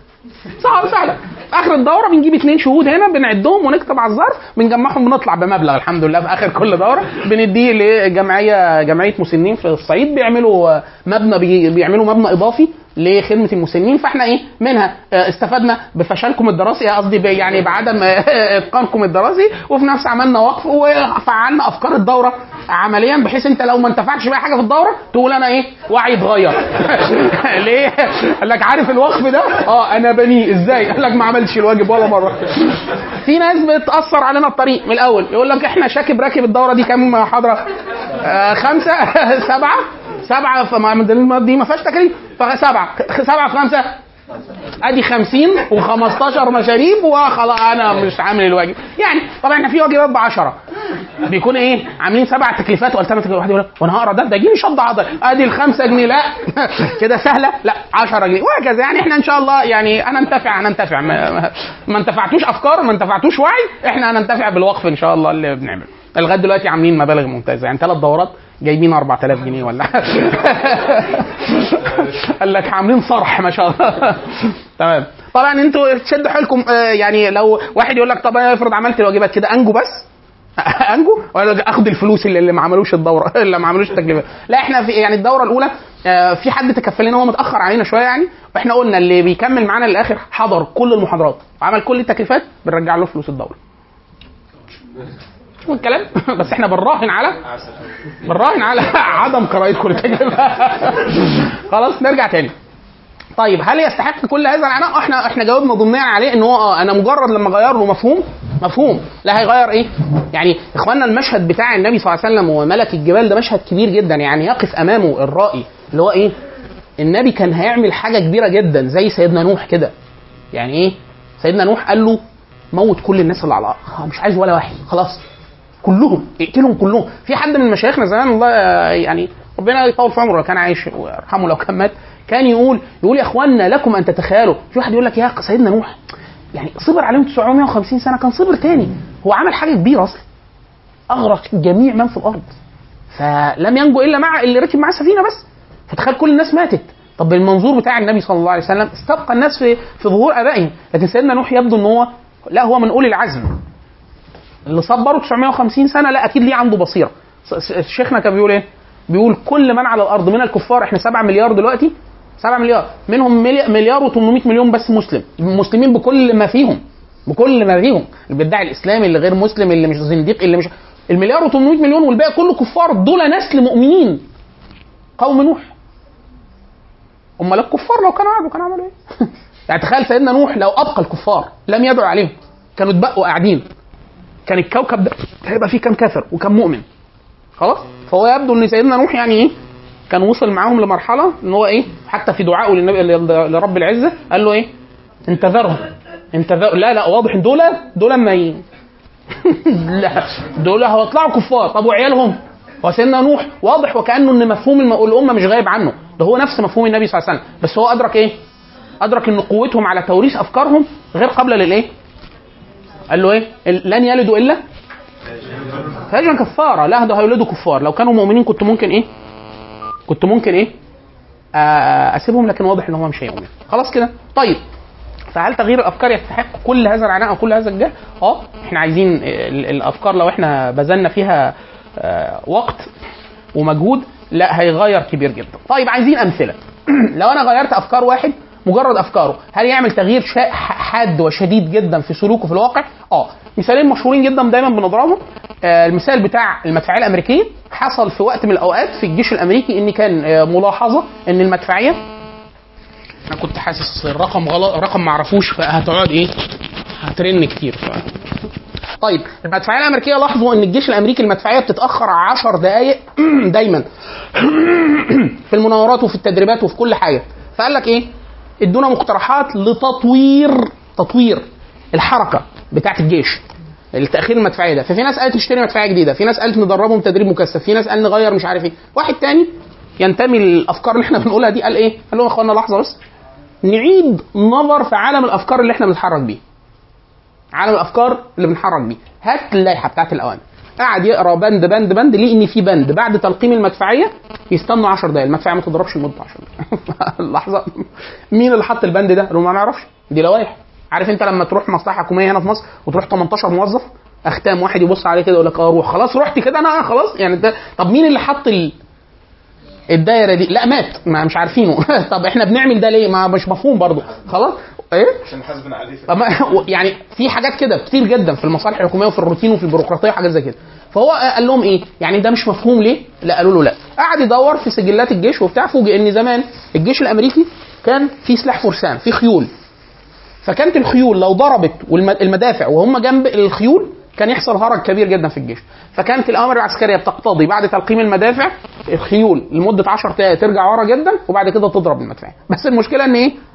ما فيش خلاص السلاح بقى مش موجود. أنا ما عنديش تليفون.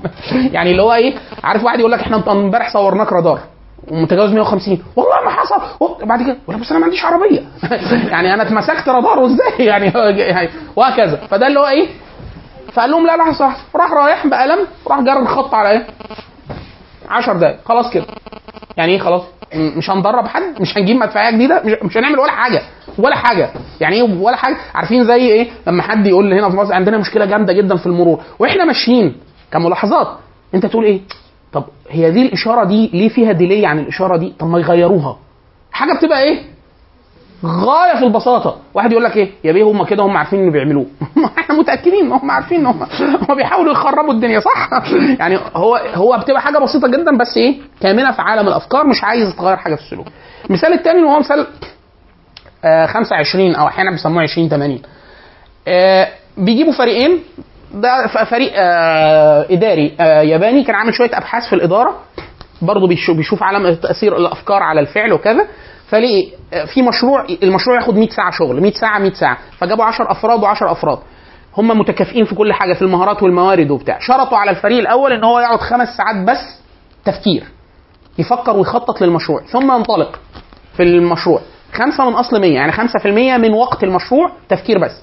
الفريق الثاني بيجبروه إن هو يقعد 20 ساعة يفكر. يعني متأخر في الفعل 15 ساعة عن الفريق الأول. كل ما يعيدوا التجربة مع تغيير الأشخاص مع تغيير المهام المطلوبة يفاجئوا إن الفريق اللي اتأخر 15 ساعة تفكير بيخلص أسرع وأكثر كفاءة من الفريق اللي بدأ إيه؟ مستعجل. عامل زي بالظبط لو جبنا مجموعة من النساء واديناهم إيه؟ أقمشة وقلنا لهم إيه؟ قصوا اعملوا لنا جلابية بلدي. قدامك ثلاث دقايق تفكري قصي. هتطلع إيه؟ بربطوز آه، ع- م- مثلا آه، مايوه آه، حاجة. لكن مش هيطلع ابدا. اللي إحنا عاملينه ليه؟ لأن الموضوع محتاج تفكير. التفكير ده هينبني عليه فعل. خلاص؟ فأنا أي وقت أنا بصرفه في في تغيير الأفكار أو التأكد من صحة الأفكار أو وجهتها المظبوطة لا ده أنا ما بضيعوش ولا حاجة. طيب هنا بقى بيظهر السؤال بقى إيه؟ السؤال ده طبعا محير المفكرين من زمان. اللي هو إيه؟ طيب السؤال ده اتكتب تحت العنوان ده كذا كده كذا كتاب بهذا العنوان. يعني مثلا آه، في كتاب اسمه الانهيار بتاع واحد اسمه جارد دايموند. جارد دايموند ليه كتابين مشهورين جدا اللي هو جراثيم وفولاذ ومش عارف حاجة تانية كده حروب وجراثيم وفولاذ. والكتاب اللي إحنا بنتكلم عنه اسمه الانهيار. معنونه بعنوان فرعي اللي هو لماذا تتخذ المجتمعات المعقدة قرارات كارثية. هو واحد تاني بينقل عنه كتير في كتاب الانهيار. ده كتاب الانهيار بتاع جارد دايموند هو كتاب مترجم للعربية كتاب ضخم يعني يمكن 700 صفحة أو حاجة. وجوزيف تينتر اللي هو بينقل عنه آه، جا- جارد دايموند كتير في كتاب الانهيار اسمه انهيار المجتمعات المعقدة اسمه كده انهيار المجتمعات المعقدة إيه يقصد إيه بالمجتمعات المعقدة؟ يقول لك حضارة ملء السمع والبصر، الحضاره الصينية، الحضارة الإسلامية، حضارة المايا، حضارة الازتك في أمريكا اللاتينية، يقول لك حضارة اختفت من على وجه الأرض. تاريخيا مش عارفين اختفت ليه. فبدأ يعملوا إيه؟ المفكرين اللي زي آه جارد دايموند في كتابه الانهيار وجوزيف تنتر في كتابه آه، انهيار المجتمعات المعقدة. قال لك لا لحظة. لا الموضوع مش إيه؟ مش حضارة ولا اثنين ولا ثلاثة ولا حد شبه بعضه. ده جميع العالم في هذه الظاهرة. خلاص؟ في واحد اسمه اسمه موجلو اظن من أمريكا اللاتينية. كاتب كتاب بهذا العنوان. لماذا تفشل الأمم؟ كتاب ضخم برضه مترجم للعربية ال- الشركة شركة الشركة الثقافيه المطبوعات اسمه إيه؟ لماذا تفشل الأمم؟ بيقول اخوانا اديني عقلك. أمم زي اليابان اليوم بدأت نهضتها الحديثة. 1800 حاجة و60 يعني أولت امبارح. متقدمة وتاني دولة في الصناعة قعدت اليابان تاني دولة في العالم في الاقتصاد بعد أمريكا وجاي وراها الصين والهند. الصين والهند وروسيا دول عشر أضعافها. يا اخوانا الصين السنة دي هي والهند تساووا كتف بكتف ليه الصين بتقلل المواليد والهند مش عارفة تقلل المواليد؟ فالهند مليار ونص مليار و500 مليون والصين مليار و500 مليون. خلاص؟ اليابان اليابان لسه الصين معدياها من سنة أو سنتين. بقت تاني اقتصاد في العالم الصين. أمريكا هي الأولى. واحد يقول لك لا الصين هتجيب أمريكا. اقتصاد الصين 50% من اقتصاد أمريكا. يعني عارف لما أطلع أنا أول على الفصل وأبقى جايب 98% وأنت جايب تاني. خلاص؟ جايب إيه؟ 49% ما تفخرش بان أنت طالع التاني ما تفخرش أنت ساقط يعني الصين الصين مليار و500 مليون أمريكا مش مكملة 300 أو عن يعني من باب البحبحة 300 مليون. 300 مليون ودول 1500 مليون أمريكا ضعفها. ضعف الصين. بعد ما الصين يعني ما فيش حاجة ما فيش حاجة ينفع تتعمل ما عملوهاش تلوث لوثوا. أنهار خربوها. كوكب الأوزون مش خربوه. عارف لما تيجي بتمسك بتاع ونقدوا الأوزون. الصين في مناطق ما بيعرفوا ما ما حدش بيعرف يصورها اقمار صناعيه بسبب ال الحاجات ال- الضباب الملوث وبتاع. مش حاجة طين يعني. خلاص؟ مستعجلين. هم عايزين يقطعوا شوط كبير جدا. فلا لحظة. إيه ده؟ وفي دول بكل فخر. إحنا آه، آه، ما ما فيش. إحنا ما فيش أي هات أي حاجة هنبوظها.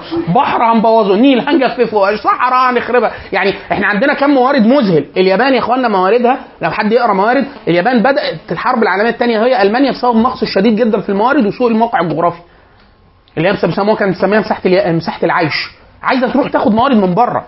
اليابان وهي دولة صناعية لغاية 1990 ولا 1991 بتاخد 80% من البترول بتاعها من دول الخليج.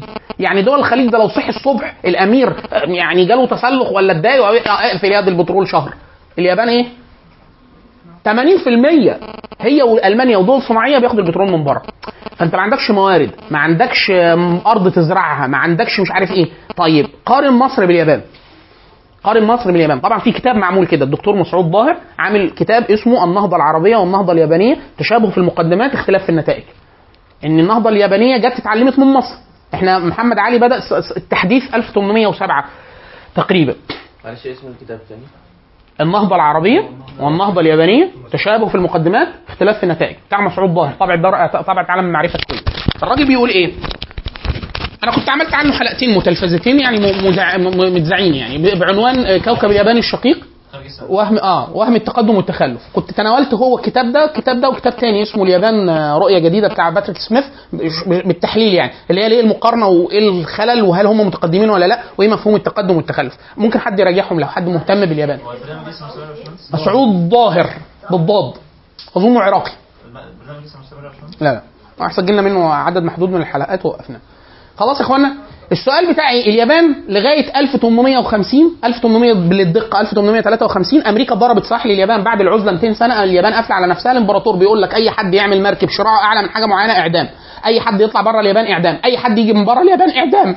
يا فندم طب إحنا كده إيه؟ يعني هنقعد كده مع بعض. خلاص؟ هم اتنين منائين مفتوحين اللي يخشوا يخشوا تبع رقابه الإمبراطور. أي مبشر بأي ديانة مسيحية بيخش يتقتل أي حد خلاص. قفلها ضب مفتاح. أمريكا عايزة تبيع وتشتري وبيع عندها أساطيل وتسليح وبتاع افتح الأساطيل مش هتح حنفي مش هتنزل. طيب راحوا ضربوا الأسطول الأمريكي ضرب سواحل اليابان وأجبرهم قال له هتنزل المره دي. خلاص؟ الإمبراطور اضطر إلى فتح سواحل اليابان امام التجارة الأوروبية والأمريكية. هم قال لك إيه اليابانيين؟ الساموراي راح الساموراي جه وعامل شعره كده وبتاع وهو زي المماليك حضارة عسكرية ومسيطرين على الإمبراطور اللي هو عصر بيسموه عصر ال- التوكوجاوا زي المماليك بالظبط عندنا. توكوجاوا توكوجاوا آه. مصطلح اللي هم مماليك اقطاعيين أقوياء والإمبراطور متحيد. فقال لك إيه؟ طب وأنت إيه؟ يعني قلة الأدب مستحملينها. و200 سنة حصار.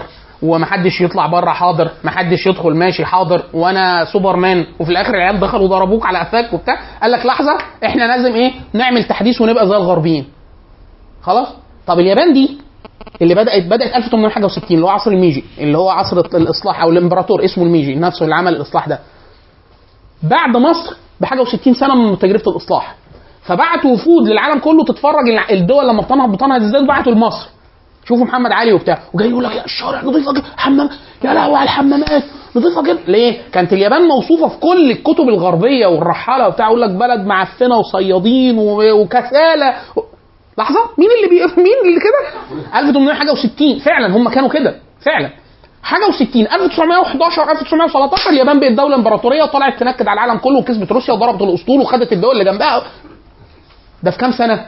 50 سنة. طب محمد علي آزح من أول 1807 1882 مصر احتلت. الإنجليز قعدوا شربوا معانا شاي لغاية 1954 ولا حاجة.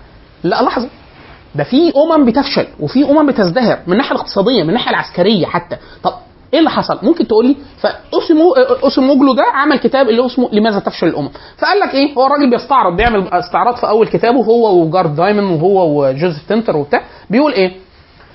خلينا بيقول إيه؟ بيقول في خمس ست نظريات بتقول الأمم بتفشل تفشل ليه؟ اللي هي المجتمعات المعقدة بمصطلح جوزيف تنتر. مصطلح معقد يعني إيه؟ يعني حضارة وليها دولة وليها تقييد وليها علوم وجامعات ومدارس ومش عارف إيه وهيئات وفي الآخر تلاقي المجتمع ده بياخد قرارات أسوأ قرارات في الدنيا بتتاخد. يقول لك لا لحظة في حاجة غلط كبيرة. إيه بقى الكبير؟ قال لك بص في ناس قالت نظريات. في نظرية بتقول الخلل الجغرافي. ان انت تكون دولة حظك التعس الجغرافي وقعك في حتة ما فيهاش موارد. إيه حتة ما فيهاش مية حتة مش عارف إيه. فانت إيه؟ السبب الخلل الجغرافي. طبعا هذه النظرية تم إيه؟ هدمها بالكلية. ليه؟ في دول اليابان مثلا دول مع ما فيش موارد خالص. خلاص؟ ودولة عملت كل حاجة مظبوطة. وفي طبعا نماذج حضارية كتير الموارد قليلة وهو إيه؟ عمل إنجاز حضاري كويس. طيب في ناس بتقول إيه؟ بتقول لا في واضح جدا الإثم أو العرق. في حضاره في عرق مت... في عرق متفوق. المنايفه مثلا أسطورة المنوفية. أسطورة... فعلا مصر ما... الأسطورة ممكن تتبعها بس ده مش اثم المنو... الانتماء للمنوفية مش إثني مش عرقي. ده ديانة قصدي يعني انتماء آه، مكاني جغرافي قصدي يعني. خلاص؟ فمش لازم ممكن يكون واحد من بره المنوفية وجي عاش في المنوفية يعني عادي ويتحول خلاص؟ فهو لا ده الانتماء العرقي. يعني واحد يقول لك الفراعنة ال- مش الألمان اليابانيين. لا مفيش كده. مفيش كده. ليه؟ لأنه الحضارات دي نفسها عدى عليها الإيه؟ يعني مرة نزلت ومرة طلعت ومره لا مش العرق. في ناس قالوا لا ال- ال- اللي هي روح الحضارة أو الثقافة.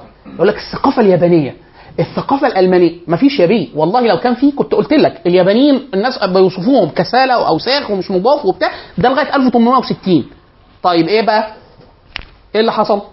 الثقافة كانت قبل كده حلوة وقبل كده وحشة. الصينيين مش عارف إيه. لا برضه مش مفسر. في ناس قالت لا كلام واضح بس أنتوا اللي مش واخدين بالكم. إيه بقى؟ الجهل. إن أنت تكون مش عارف تعمل الحاجة الصح. يعني إحنا ليه في مصر الشوارع مش منظمة؟ لا قدر الله. ليه؟ لأن إحنا مش عارفين ننظمها بس. طب ليه إحنا اقتصادنا مش بعافية قوي لأن إحنا مش عارفين نديره صح. طب إحنا ليه مش عارفين ندير مواردنا الاقت- ال- الاقتصادية صح؟ ان إحنا آه، تعليمنا وحش. فاحنا جهله بكيفية الإرادة الإدارة بس. في نظرية بتقول كده. خلاص؟ طبعا النظرية دي اتفرتكت مش باظت. ليه؟ ما هنا بقى المفاجأة إن أي حد في العالم يعرف يجيب أحسن واحد في العالم يقول له عارف إحنا بن... إحنا بنعملها في حاجة واحدة بس في الكورة. وبرضه بتاع إيه؟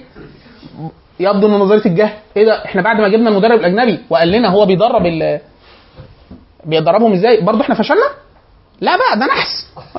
جيلنا اوعى فريد واللي يقول كده كذب بالقرآن وبتاع مش الأستاذ مرتضى منصور قال كده؟ الزمالك. آه، أحد النظريات المفسرة لفشل الزمالك. إيه؟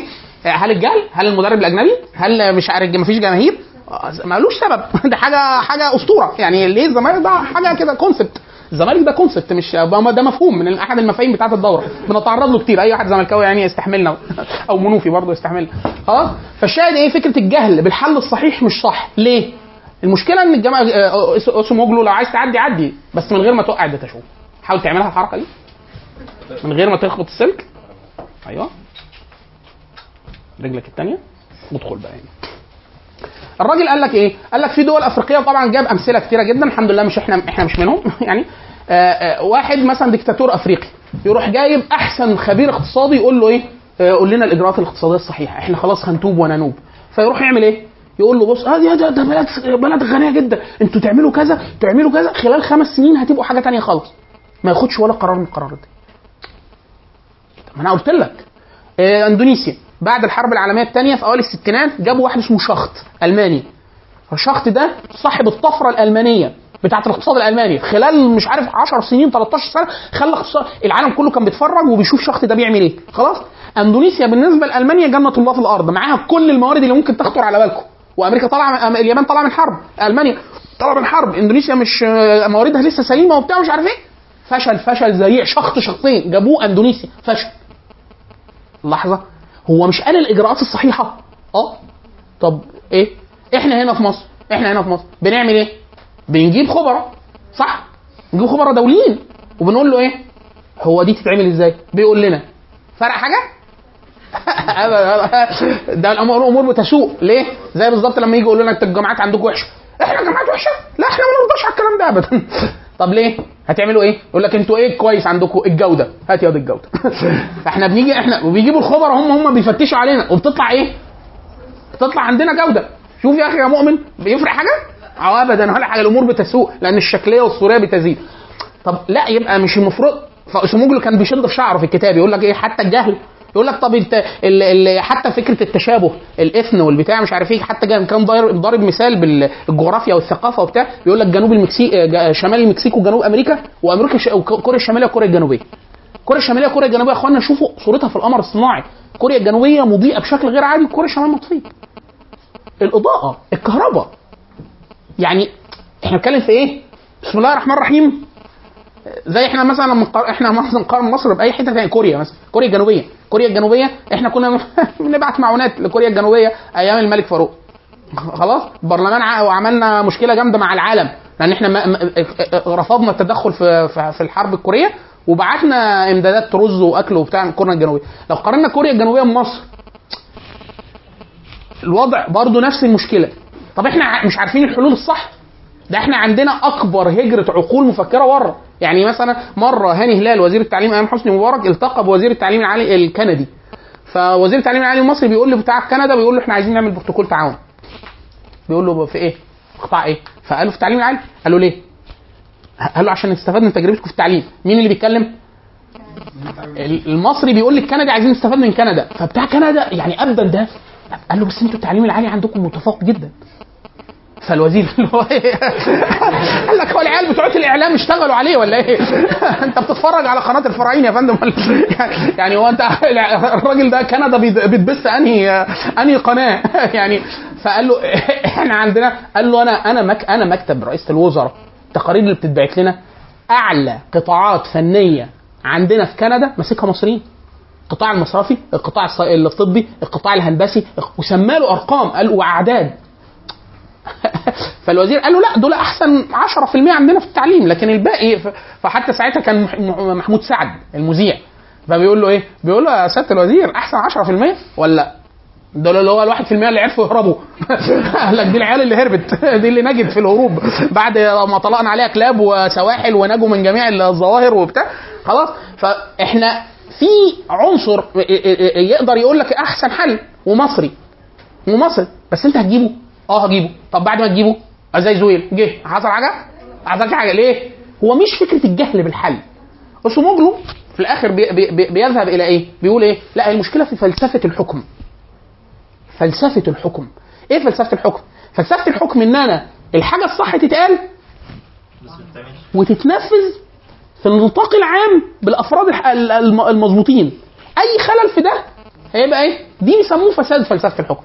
طبعا ضارب أمثلة كتاب فوق الرائع فوق الرائع اللي هو لماذا تفشل الأمم نصيحة معرض الكتاب جاي ابدأوا حوشوا عناوين من دلوقتي عشان هتفلسوا في المعرض خلاص جايب أمثلة فوق الروعة فوق الروعة بسبب إيه يقول لك إن هو لأ ده أنت أمريكا هي والمكسيك أهو الملياردير المكسيكي ده عامل شغل غير عادي في المكسيك لما راح أمريكا لأ قانونيا اتقفش وتوقف شغله وبتاع ليه؟ لأنه مش قادر.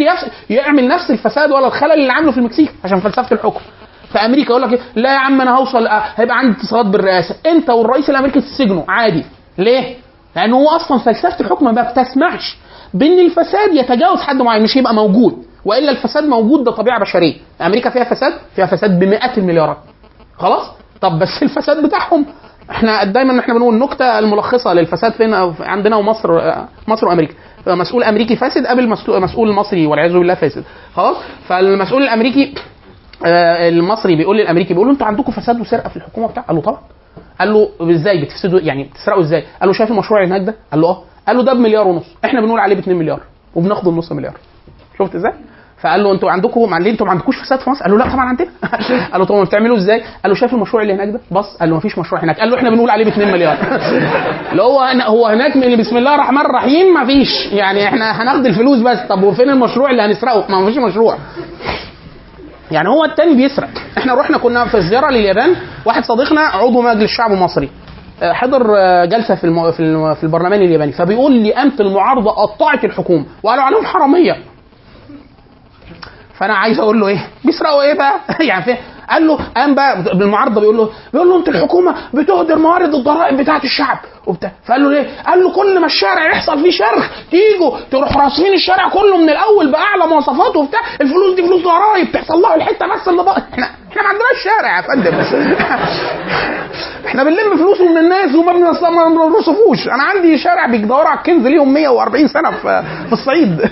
يعني جدي حضر الحفر. وأحفادي هيلحقوا لسه قبل ما يتردم. يعني وهكذا. خلاص؟ فهو السؤال لماذا تفشل الأمم أو الانهيار أو انهيار المجتمعات المعقدة؟ هو محير؟ آه طيب. إيه الحيل اللي بتخلي الناس عاقلة؟ يعني واحد يقول لك إيه؟ يعني هو كل المستعين بيهم أي نظام فاسد غير طبعا نظام مصري ولا أنه مش فاسد ولا حاجة. النظام ده هل ده بيجيب ناس عبط مثلا ولا حمقى لا ده بيجيب واحد متخصص والمتخصص ده بسبب فلسفة الحكم ما بيقدرش ياخد القرارات الصحيحة. طيب إيه السبب؟ في حيل كثير من الحيل إحنا هناخد خمس أو أربع حيل. الحيل دي حال- حيل نفسية اجتماعية بتعملها إيه؟ المجتمعات هي اللي بتخليها تلبس إيه؟ في الحيطة وهي مبتسمة وظريفة وكل حاجة. طيب إيه زي إيه؟ في حاجة بديهية شوية. بتبقى إن إحنا ما توقعناش المشكلة. ما توقعناش أصلا المشكلة إن هي تحصل أصلا. زي إيه مثلا؟ آه مثلا بلد تكون زي مصر إحنا ما عندناش وما تعرضش لسيول كتير. فنيجي نعمل حاجة ما مش معمول لها أصلا يعني نعمل نفق. نفق. وما نعملوش أي تصريف مية. يقول لك أنا هتبطر. أصلا مش متوقع المشكلة. فدي دي بتخلي المجتمعات تعمل قرارات كارثية. آه. انه أنت إيه مش ممكن تتصور إن يحصل فتحصل مشكلة. في إن تحصل الحاجة وما نعرفش نفهمها نستوعبها. يعني إيه؟ زي مثلا آه، آه، آه، حد فيكم بيروح التجمع الخامس؟ نزلة نزلة التسعين كوبري. عملوا النزله وعملوا نفق. والشارع واسع جديد وعملوا مش عارف اسمها Downtown على الشمال ولا حاجة حاجة كده السؤال بقى هو الكائن اللي اسمه الإنسان اللي موجود على سطح الأرض من زمان ده لما يحب يعدي الحتة دي يروح الحتة دي يروح إزاي؟ يطير؟ Quadcopter؟ أنا بسميها مجموعة. مجموعة المنتحرين المتحدين اللي هو إيه نضحي بواحد عشان المجموعة تعدي هو يموت العربيات تقف إحنا نكمل مصر كم الشوارع الرئيسيه بالطريقة دي؟ الدايري المحور آه قدام جامعة الأزهر قدام مش وطلبة بتموت وبتاع مش عارف إيه. أنت مش مدرك مش مدرك إن ده انتحار جماعي مش مدرك إن دي عربيات مش مدرك إن دي عربيات بتمشي بسرعات عالية. لو فرمل تحصل كارثة لو كمل تحصل كارثة؟ لا. هي قدامك المشكلة قدامك. وانت إيه؟ مش متأمل في الفراغ. طيب. آه في أحيانا آه، في حاجة يمكن مش مش مش مش متعرض مش متعرض لنا هنا. أحيانا بيسموها التغيرات البطيئة. التغيرات البطيئة إن الحاجة تكون بتحصل برتم بطيء جدا لدرجة إن الناس لا تدركها عين الخبير بس اللي بتدركها. فمثلا أنا فاكر ده موقف حصل أنا معايا شخصيا أيام حسني مبارك. أنا في الأصل مهندس ميكانيكا. فعندي قدر من المعارف الأساسية متعلقة بالميكانيكا وإن كان ده مش تخصصي الرئيسي حاليا. فأنا بركب المترو يوميا كذا مرة. فأنا عند محطة معينة لقيت تسريب؟ مية. مية تحت على القضبان فبصيت كده آه، عايز اشوفها دي مية عادية ولا مية صرف. لأن طبعا لو مية صرف مية الصرف تاكل أي حاجة. تاكل خرسانة تاكل حديد تاكل ع- عظيمة. بصيت تسريب بسيط وبتاع. قلت يمكن كبوا مية بتاع مش عارف إيه. وفي اكياس أي حاجة طبعا مش مكنوسة تحت فاكياس شيبسي بتاع مش عارف إيه مع المية. وأنا راجع نفس اليوم هي هي المية بس زادت زيادة طفيفة. بس ما حدش واخد باله لأن كل الناس باصة للمترو أنا باصص إيه؟ بحكم التخصص يعني. تاني يوم هي هي نفس الميه غبت كام يوم ما نزلتش العتبة رجعت الميه زادت. في حاجة غلط. ده ما صرف رحت رايح حد من المسؤولين قلت له شغال هنا في المترو قال لي آه بروش زه... حاجة مذهبة كده على البدلة. قلت له تعالى. قال لي إيه في خير وبتاع أنا بدقن وبتاع. قلت له في تسريب ودي مية صرف وميه الصرف يعني كيميائيا أو هندسيا تاكل أي حاجة وبتاع مش عارف إيه. قال لي آه تمام شكرا بارك الله فيك هنبلغ وبتاع. غبت شهر. المية بتزيد. رحت لقيت رقم ساخن. مكتوب هوت لاين اكتب. رحت طالبهم قالوا رقم الساخن. قال لي مين؟ أنت عايز مين؟ قلت له مش ده الرقم بتاع التبليغات وبتاع مش عارف إيه؟ قال لي آه آه أيوه إحنا الرقم بتاع التبليغات. قلت له في مية في مية مسربة في العتبة. سكت شوية. قال لي آه خلاص ماشي تمام يلا قفل. شهر كمان. ميه بتزيد. زادت جدا. خلاص. رحت إيه؟ لقيت حد بقى شكله مسؤول أكبر من المسؤول الأولاني. قلت له أنا عايز أعدي لك المكنة. قال لي خير قلت له عايز أتكلم معاك. فقال لي اتفضل. رحت معدي. قلت له في كذا كذا كذا. قال لي طب تعالى على جنب. رحت جاي على جنب قال لك معاك معاك موبايل؟ قلت له معايا موبايل. قال لي طلع. طلع. قال لي اكتب الرقم اللي هقوله لك. قلت له ماشي. مين؟ قال لي ده رقم الشيمي المهندس الشيمي قال لي ده مدير ال- اللي ماسك الهيئة بتاع المترو. قال لي ده راجل محترم جدا راجل دغري جدا. قال لي كل الناس هنا بتخاف منه. قال لي ما حدش هينجدك منه. قال لي أي حد مش هيعبرك خدت الرقم ومشيت. طلبته ما بيردش. ما أعرفش بقى الراجل مشغول مش مشغول وبتاع. قعدت فترة ورحت رايح لما الموضوع زاد خالص رحت رايح نقطة الشرطة الاسم اللي في رمسيس السلام عليكم وعليكم السلام. هم إيه برضو؟ أنا بدقني داخل داخل دقني داخله قبلي الأول. قلت له أنا في مشكلة قال لي خير. قلت له في تسريب قال تسريب إيه؟ تسريب تسريب مية وسخة في على القضبان عشان بس دماغه ما تروحش. قلت له في مية صرف وبتاع. وأنا بلغت عنها قال لي طب قلت له ممكن ورقة؟ قال لي قلت له أرسمها لك عشان اللي يروح. قال لي ماشي. خدت ورقة كتبت ورسمت له قلت له لما تبقى داخل من هنا هتلاقيها هنا. لما تبقى داخل من هنا لو أنت في مدرجات الدرجة الثالثه هتشوف أنا. قعدت كده وبتاع مش قال لي تمام وبتاع. سبته. بعدها بفترة أسبوعين قابلت موظف قلت له كذا. قال لي آه والله صح. كنا إحنا واقفين. رفع سماعة التليفون قال حاجة ومشي ركب المترو. آه رحت اتكلم الشيمي تاني. ما ردش. بقى قاعد باكل بتغدى لقيت الرقم رن. ببص أنا سجلته. لقيت الشيمي. بيطلبني. هو. السلام عليكم. لقيت حد صوته كده يعني. السلام عليكم وعليكم السلام. مين معايا؟ قلت له حضرتك باشمهندس الشيمي قال لي آه. قلت له أنا باشمهندس أيمن عبد الرحيم. أنا بدرس في جامعة القاهرة بعمل دراسات عليا. أنا تخرج خريج ميكانيكا ميكاترونكس. آه، أنا شايف في تسريب لمدة خمس شهور أو ست شهور. التسريب ده مية صرف مش مية عادية. بيعمل واحد قعد ساكت. بعد ما كلمته خمس ثواني مثلا. أنا قلت إيه؟ هيشتم. هيقول لي أنت متصل بيا عشان بعد كده قال لي هو أنت مصري؟ فقلت له قلت له قلت له آه أنا خايف الفخ يقول لي هات رقم بطاقتك وبتاع. قلت له آه.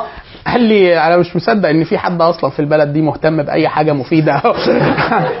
فقال لي والله ربنا يبارك فيك. قال لي أنت تخصصك إيه وبتاع؟ قلت له أنا في الأصل ميكانيكا يعني. بس بعمل حاجة تانية دلوقتي وبتاع.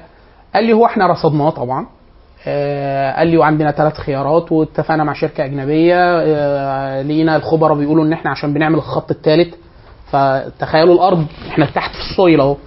في تيوب كده ده الخط الأول خط تاني قاطعها خط ثالث فكل العبث تحت ده بقى بالتربة. فبيعمل خلل في مناسيب المية اللي تحت. ففي المية دي دخلت على الخط الأول. فقال لي فاحنا مش هنعمل أي إجراء هنعمل إجراءات محدودة حاليا عشان الموضوع ما يوسعش ما يوصلش لحاجه خطر. قال لي لكن إحنا شايفينه كويس. قال لي لكن مستنيين نخلص الجزء الحفر بتاع الخط الثالث بحيث نتأكد 100% إن ما فيش كده أكتر حاجة كده ونبدأ ناخد إجراءات أخيرة وبتاع. قال لي بس أنا شاكر جي أنا سعيد أنا هموت. يعني اللي هو الراجل إيه؟ قال لي حاجة أنا عايز أتصور معاك. طب بتاع. لأنه ما كانش مصدق الكلام ده. إحنا الكلام ده كنا في آه، 2008 أو حاجة. آه أيام حسني مبارك. فما كانش حد مصدق إن هو يعني إيه واحد مهتم بأي حاجة. خلاص؟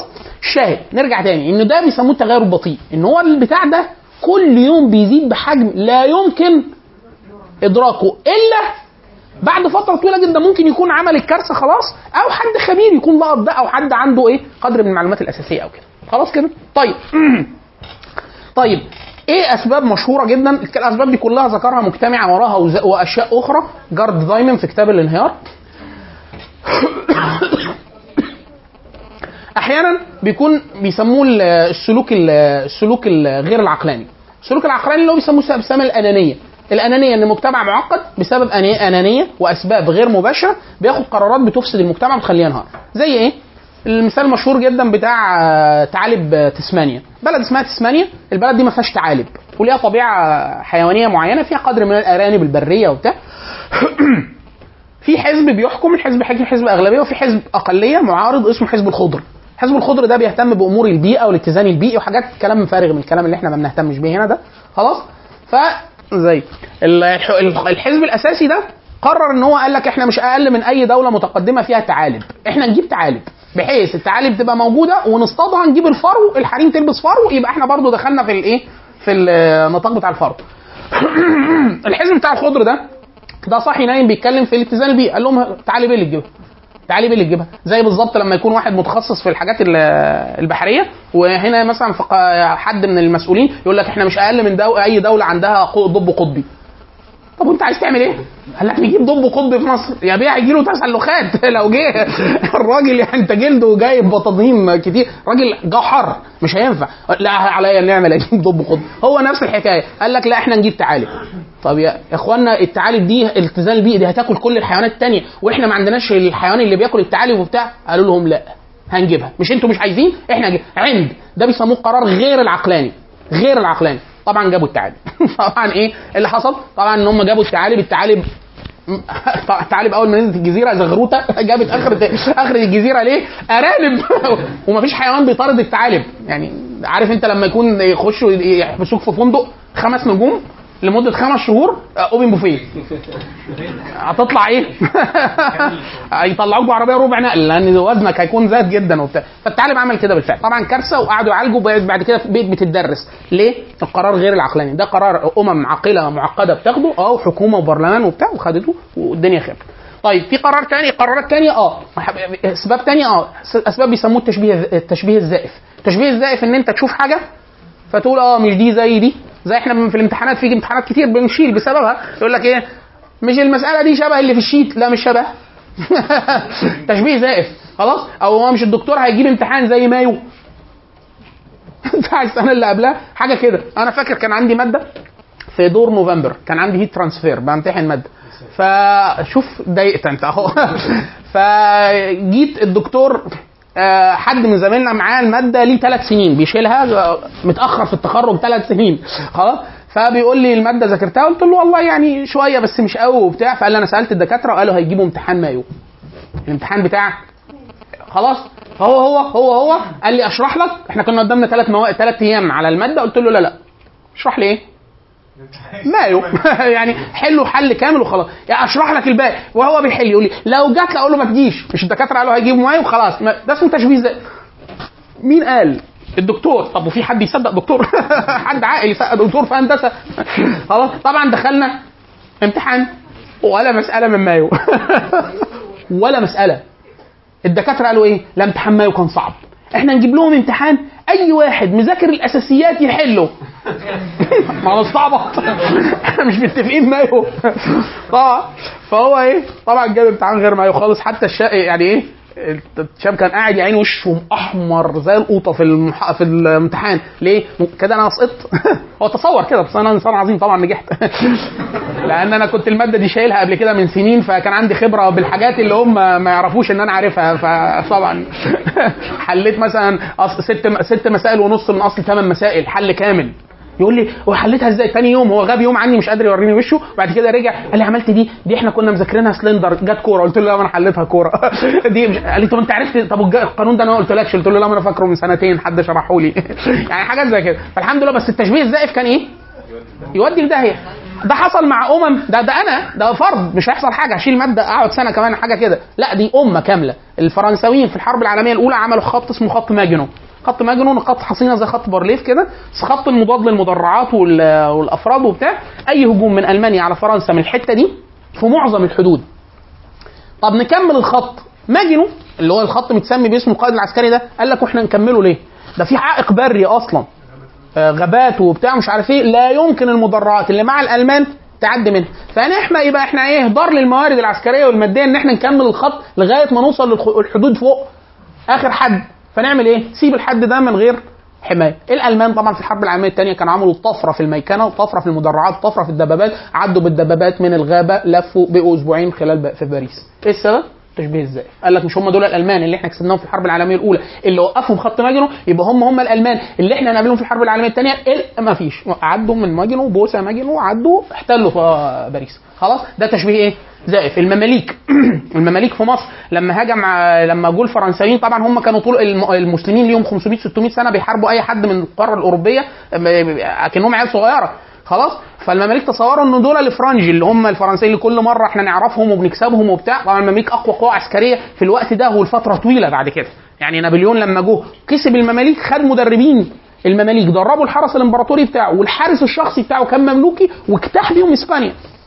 المماليك نفسهم خلاص؟ لكن هو كسبهم لأسباب أخرى متعلقة بالتكتيك أو الاستراتيجي اللي كان اتطور في بروسيا اللي هتبقى بعد كده ألمانيا فهو اجتاحهم عسكريا استراتيجيا مش لا تسليح ولا قوة بدنية. وإلا نابليون ليه مقولة مشهورة جدا يقول لك فرد مملوكي واحد أقوى من ثلاث فرسان آه، آه، فرنسيين مجتمعين. يعني أي مملوك يمسك ثلاثة فرنسيين يقتلهم على طول.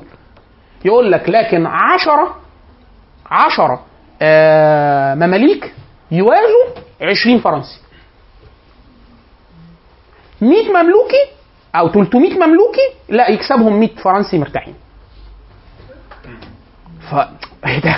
يا بيه أنت ساقط حساب. نابليون كان شايل رياضيات ولا إيه؟ يعني لا أنت المفروض إيه؟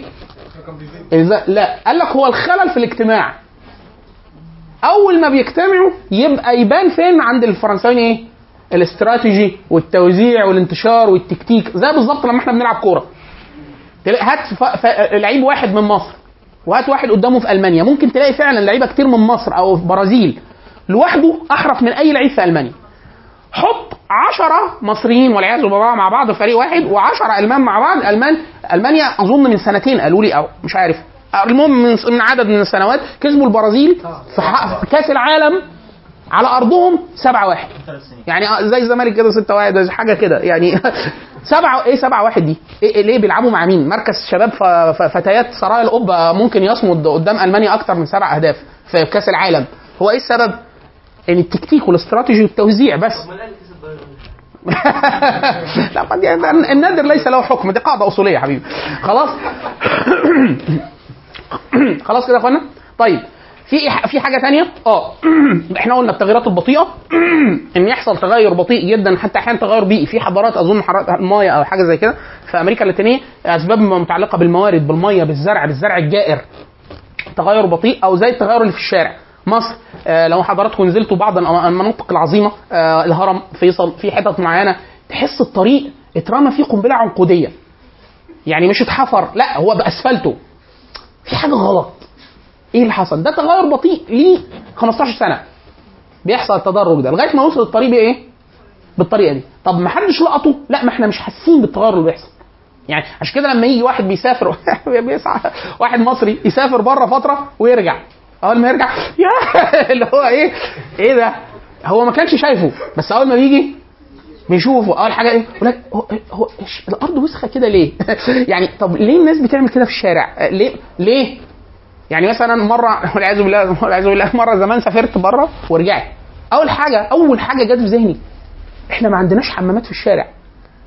لو واحدة ست في الشارع مش راجل ست عايزه تخش دورة المية لو واحد عنده سلس بول لو واحد عنده السكر لو إحنا عاملين بقى مصر كلها محولينها الكوبري ده بيتعمل لاستخدامين كوبري العربيات وإحنا نهد أساسياته من تحت؟ وهكذا إيه ده؟ ده تغيرات بطيئة ده حصل من إمتى؟ مش من مرة ولا اثنين ولا ثلاثة ولا سنة ولا سنتين ولا 10 ولا ست سنين ولا 20 سنة وهكذا لغاية ما بيوصل إيه؟ إن إحنا بنشوفه ونستمرئه ويبقى إيه؟ عادي. طيب مين اللي المفروض بينقذ الناس من هذه السخافات ومن هذه ال- بتاع؟ المثقف. المثقف يعني المفكر يعني الفقيه يعني أي حد بيفهم. هو ده اللي المفروض دكتور جمال حمدان كان يقول إن هو ده ال- المثقف يعني بمثابة جنود الحراسة للحصون. هو اللي بيبص من بعيد ويقول يا أخوانا في مصيبة جاية خلي بالكم وبتاع مش عارف إيه. عشان كده دائما أي سلطة في العالم أي سلطة في الغالب بتكره دايما أي حد بيفكر. عشان كده دايما كتير كلمة الكلمة دي تتقال بشكل في سياق أحيانا طبيعي جدا يقول لك أنا مش عايزك تفكر. مش عايزك ليه؟ يقول لك اللي عايز أقوله لك اعمله. يا بيه طب ما وال وال processor اللي ربنا مديهوني ده أعمل بيه أبيعه وأشتري مكانه hard disk. يعني أعمل بيه إيه؟ لا ما أنا مش عايزك تفكر. ليه؟ لأنه أي تفكير هتبقى متعب مشاغب تلبس قضية حاجة كده. طيب. عكس التفكير الأناني أو غير المنطقي اللي إحنا قلناه العند ده أحيانا الأمم بتهلك بسبب التفكير المنطقي. إيه التفكير المنطقي؟ هم بيسموه تفكير منطقي ولا تسميه يعني شائكة أو مخادعة؟ هو بيسموه التفكير الأناني. اللي بيسموها أحيانا معضلة المشاع أو بيسموها معضلة المرفق العام أو أحيانا بيسموها معضلة السجين. كل ده تسمية لحاجة واحدة بتدرس في عدة علوم. إما نظرية الألعاب أو نظرية الحرب أو أحيانا في في علم الاجتماع أو أحيانا عندنا في الشريعة اللي إحنا بنسميه أحيانا حديث السفينة حديث النبي صلى الله عليه وسلم. إيه المثال المشهور في علوم الاجتماع؟ بيقولوا ان آه، حضراتكم كلنا ده لو كل مرة بنيجي هنا المكان واكتشفنا إن ما فيهوش شاي وسكر. فنقول لك إيه؟ إحنا كل مرة هنيجي مش شاربين شاي وسكر والباشمهندس هيصدعنا فكده هصدع من غير شاي؟ لا ما ينفعش. طب نعمل إيه؟ إحنا نشتري شاي وسكر بتاعنا كلنا. كل واحد يا اخوانا يطلع خمسة جنيه للدورة كلها. شاي وسكر. ليه؟ إحنا كام واحد؟ مية. هتضرب هتشرب كام كوباية؟ على الأقل في المرة مرة. أو مرتين لما تكون إيه؟ فاتنين في ست... في 8 ب 16 يبقى كل واحد 16 في 100 يبقى كده 1600 باكيتة شوف حاجة فيها 2000 عايزين إيه؟ نجيب شاي أوب جمع الفلوس هات سكر هات شاي. كده إحنا حسبنا إيه؟ اللي بيسموها بتوع التليفون المحمول والإنترنت يقول لك الاستخدام العادل. أنا مديك باكج أنت موبايل يقول لك استخدام مفتوح بشرط في الوثيقة الاستخدام العادل. أنت بني آدم بني آدم كائن بني آدم زي السلحفاه زي الفراشة يعني إيه؟ بتنام. بتنام يعني في بتفصل زي الثلاجه تقعد 8 ساعات أو 10 ساعات ما تتكلمش في التليفون. وال 14 ساعة اللي أنت صحيهم ولا 12 ساعة اللي أنت صحيهم مش ممكن تكون حاطط التليفون ده. هو أصلا مصمم التليفون إن لو المكالمة زادت عن أنا ما أعرفش طبعا الستات أنتوا عارفين إزاي تقعدوا ساعة. الله يقويكم. لكن إحنا أنا بعرف أنا بقدرش. مراتي مرة كان بتهزر معايا بتقول لي إحنا من ساعة ما اتخطبنا لغاية ما اتجوزنا لما بشوف الهيستوري المكالمات بيني وبينك ما فيش مكالمة أزيد من 30 ثانية. 30 ثانية. ألو؟ أيوه هجيب الجبنة. السلام عليكم. يلا. جبت البت. آه يلا. السلام عليكم. آه بحب آه بحبك. يلا السلام عليكم. ما في يعني هو أي رسالة ودية عاطفية وجدانية منطقية برضه هترد عليها خلال أول 15 سنة أنا فاضيين؟ أوداني. خلاص. فالفكرة إن هو إيه الاستعمال الع- العادل ده مبني على إن أنت هتسلك سلوك مش أناني مش مدمر. عشان كده أحيانا في واحد يقول لهم أنا واخد آه، حزمة مفتوحة. يقول له آه مفتوحة في حدود ان أنت بني آدم طبيعي. مش إحنا مش جايين سنجاب ما قاعدينه على الإنترنت ما بيقومش. بتنام. يعني آه، لازم خش نام شوية. تلاقي واحد طالع لك في خدمة العملاء مش هننام خش تنام خمس ساعات التليفون هيتحرق في إيدك الموبايل. أو أنت واقف قدام المترو مشغله مشغلها 24 ساعة مديه لحد. فيبقى ده مش استخدام عادل وأنا مش مدي مش مديه لشركة ولا الاستخدام تجاري أنا مديه لبني آدم عادي خلاص؟ فده نوع من التقليل الصورة الأساسية بتاعت المشاع اللي هي الشاي والسكر إحنا بنسموها أحيانا بنسموها الأغنام والقطيع إن إحنا نلم فلوس من بعض ونشتري أرض مشاع أنت معاك قطيع أغنام وأنا معايا قطيع أغنام إحنا عايزين كلنا نشرب شاي وسكر. فأنت في واحد بيخش جوه عادي كل مرة بيعمل كوباية الش- الشاي بتاعته ويطلع لما يكون متضايق قوي يعمل كوبايتين. كده إحنا في الإيه؟ في الطبيعي. ففي واحد بتف... يتف... يعني تطلع في فكره في دماغه يقول لك إيه ده؟ أنا ممكن أضرب ست كوبايات شاي وما يحصلش حاجة. ليه؟ لأنه لا مش بتاعنا كلنا. هو هيضيع في الزيطة. مش هيبان. فعلا. المشكلة إنه هذا السلوك لو كل الناس فكرت بنفس الطريقة أول ثلاث محاضرات السكر خلص. الشاي خلص. السلوك الأناني انتشر. خلاص؟ دي معضلة المشاعر. دي مش معضلة المرفق العام. المرفق العام المواصلات العامة. الحاجة المتسابة استخدام عام. مش عارف إيه.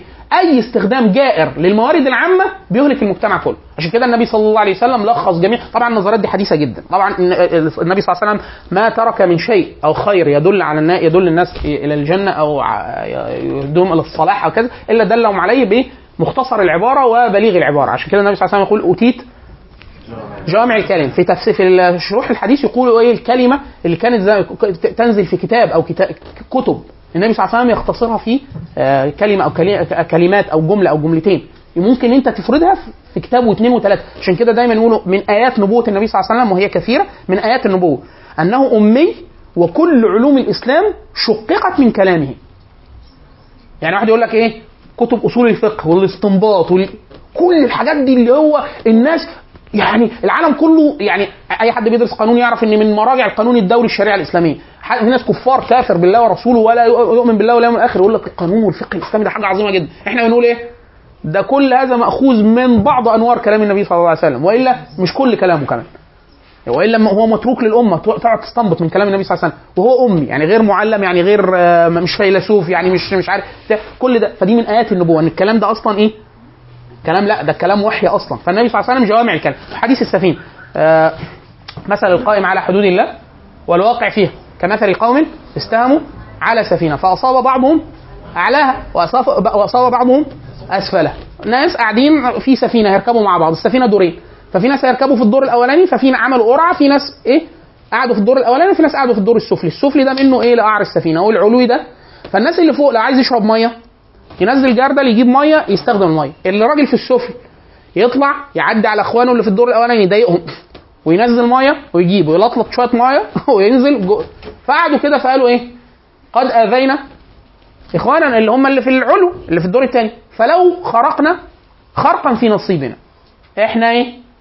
لا ما نضايقهمش تاني. هم اتضايقوا فعلا. إحنا نخرم خرم في السفينة ونجيب مية. فنزلوا لهم أهل العلو.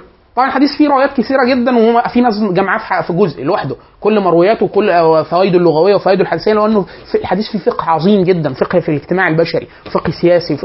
يعني ككلام النبي صلى الله عليه وسلم هو قد أوتي جوامع الكلم قال إيه؟ فقالوا لهم إيه؟ أنتوا تعملوا إيه؟ فقالوا إيه؟ قد أذيناكم. وقلنا لو خرقنا خرق في نصيبنا. إيه إيه الحجة؟ إنه بتاعي. بتاعي مش هزيك يا أخي حرية شخصية. أنا هعمل ده مش هزيك أنت. فإيه؟ فالنبي صلى الله عليه وسلم قال فلو أخذوا على أيديهم نجوا ونجوا جميعا. ولو تركوهم وما أرادوا هلكوا وهلكوا جميعا.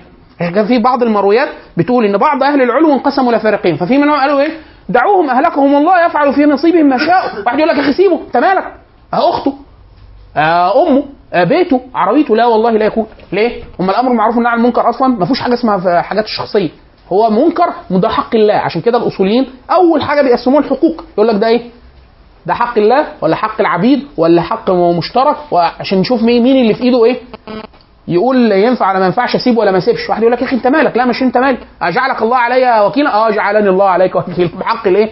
من رأى منكم منكرا فل فلو أخذوا على أيديهم لنجوا نجا جميعا ولو تركوهم وما أرادوا هلكوا وهلكوا جميعا. خلاص؟ حضرتك واتقوا الذين- ظلموا منكم ال- هو هتصيب مين تاني يا مولانا غير اللي ظلموا اللي سكتوا. اللي عشان كده حديث السبت قصة السبت اليهود. في واعظ الواعظين وفي ناس قالوا للواعظين لما تعظون؟ لما تعظون قوم؟ قالوا إيه؟ معذرة. في واحد نصح والتاني ما وقعش في المنكر ولم ينصح. وفي واحد وقع في المنكر. فلما أتى العذاب لم يذكر إلا فرقتين فرقة ناجية وفرقه فرقة ممسوخة. فلما سئل عبد الله بن عباس رضي الله عنه فقال إيه؟ أخذوا معهم. يعني اللي سكت ولم يقع في المنكر. عشان كده النبي صلى الله عليه وسلم يقول إذا فعلت الخطيئة في الأرض فمن غاب عنها ورضيها كمن شهدها ومن شهدها وأنكرها كمن غاب عنها. عشان كده دايما الأمر بالمعروف والنهي عن المنكر واحد اسمه مايكل كوك كان عامل كتاب أشهر كتاب عن نظرية الأمر بالمعروف والنهي عن المنكر في الإسلام هو غير مسلم.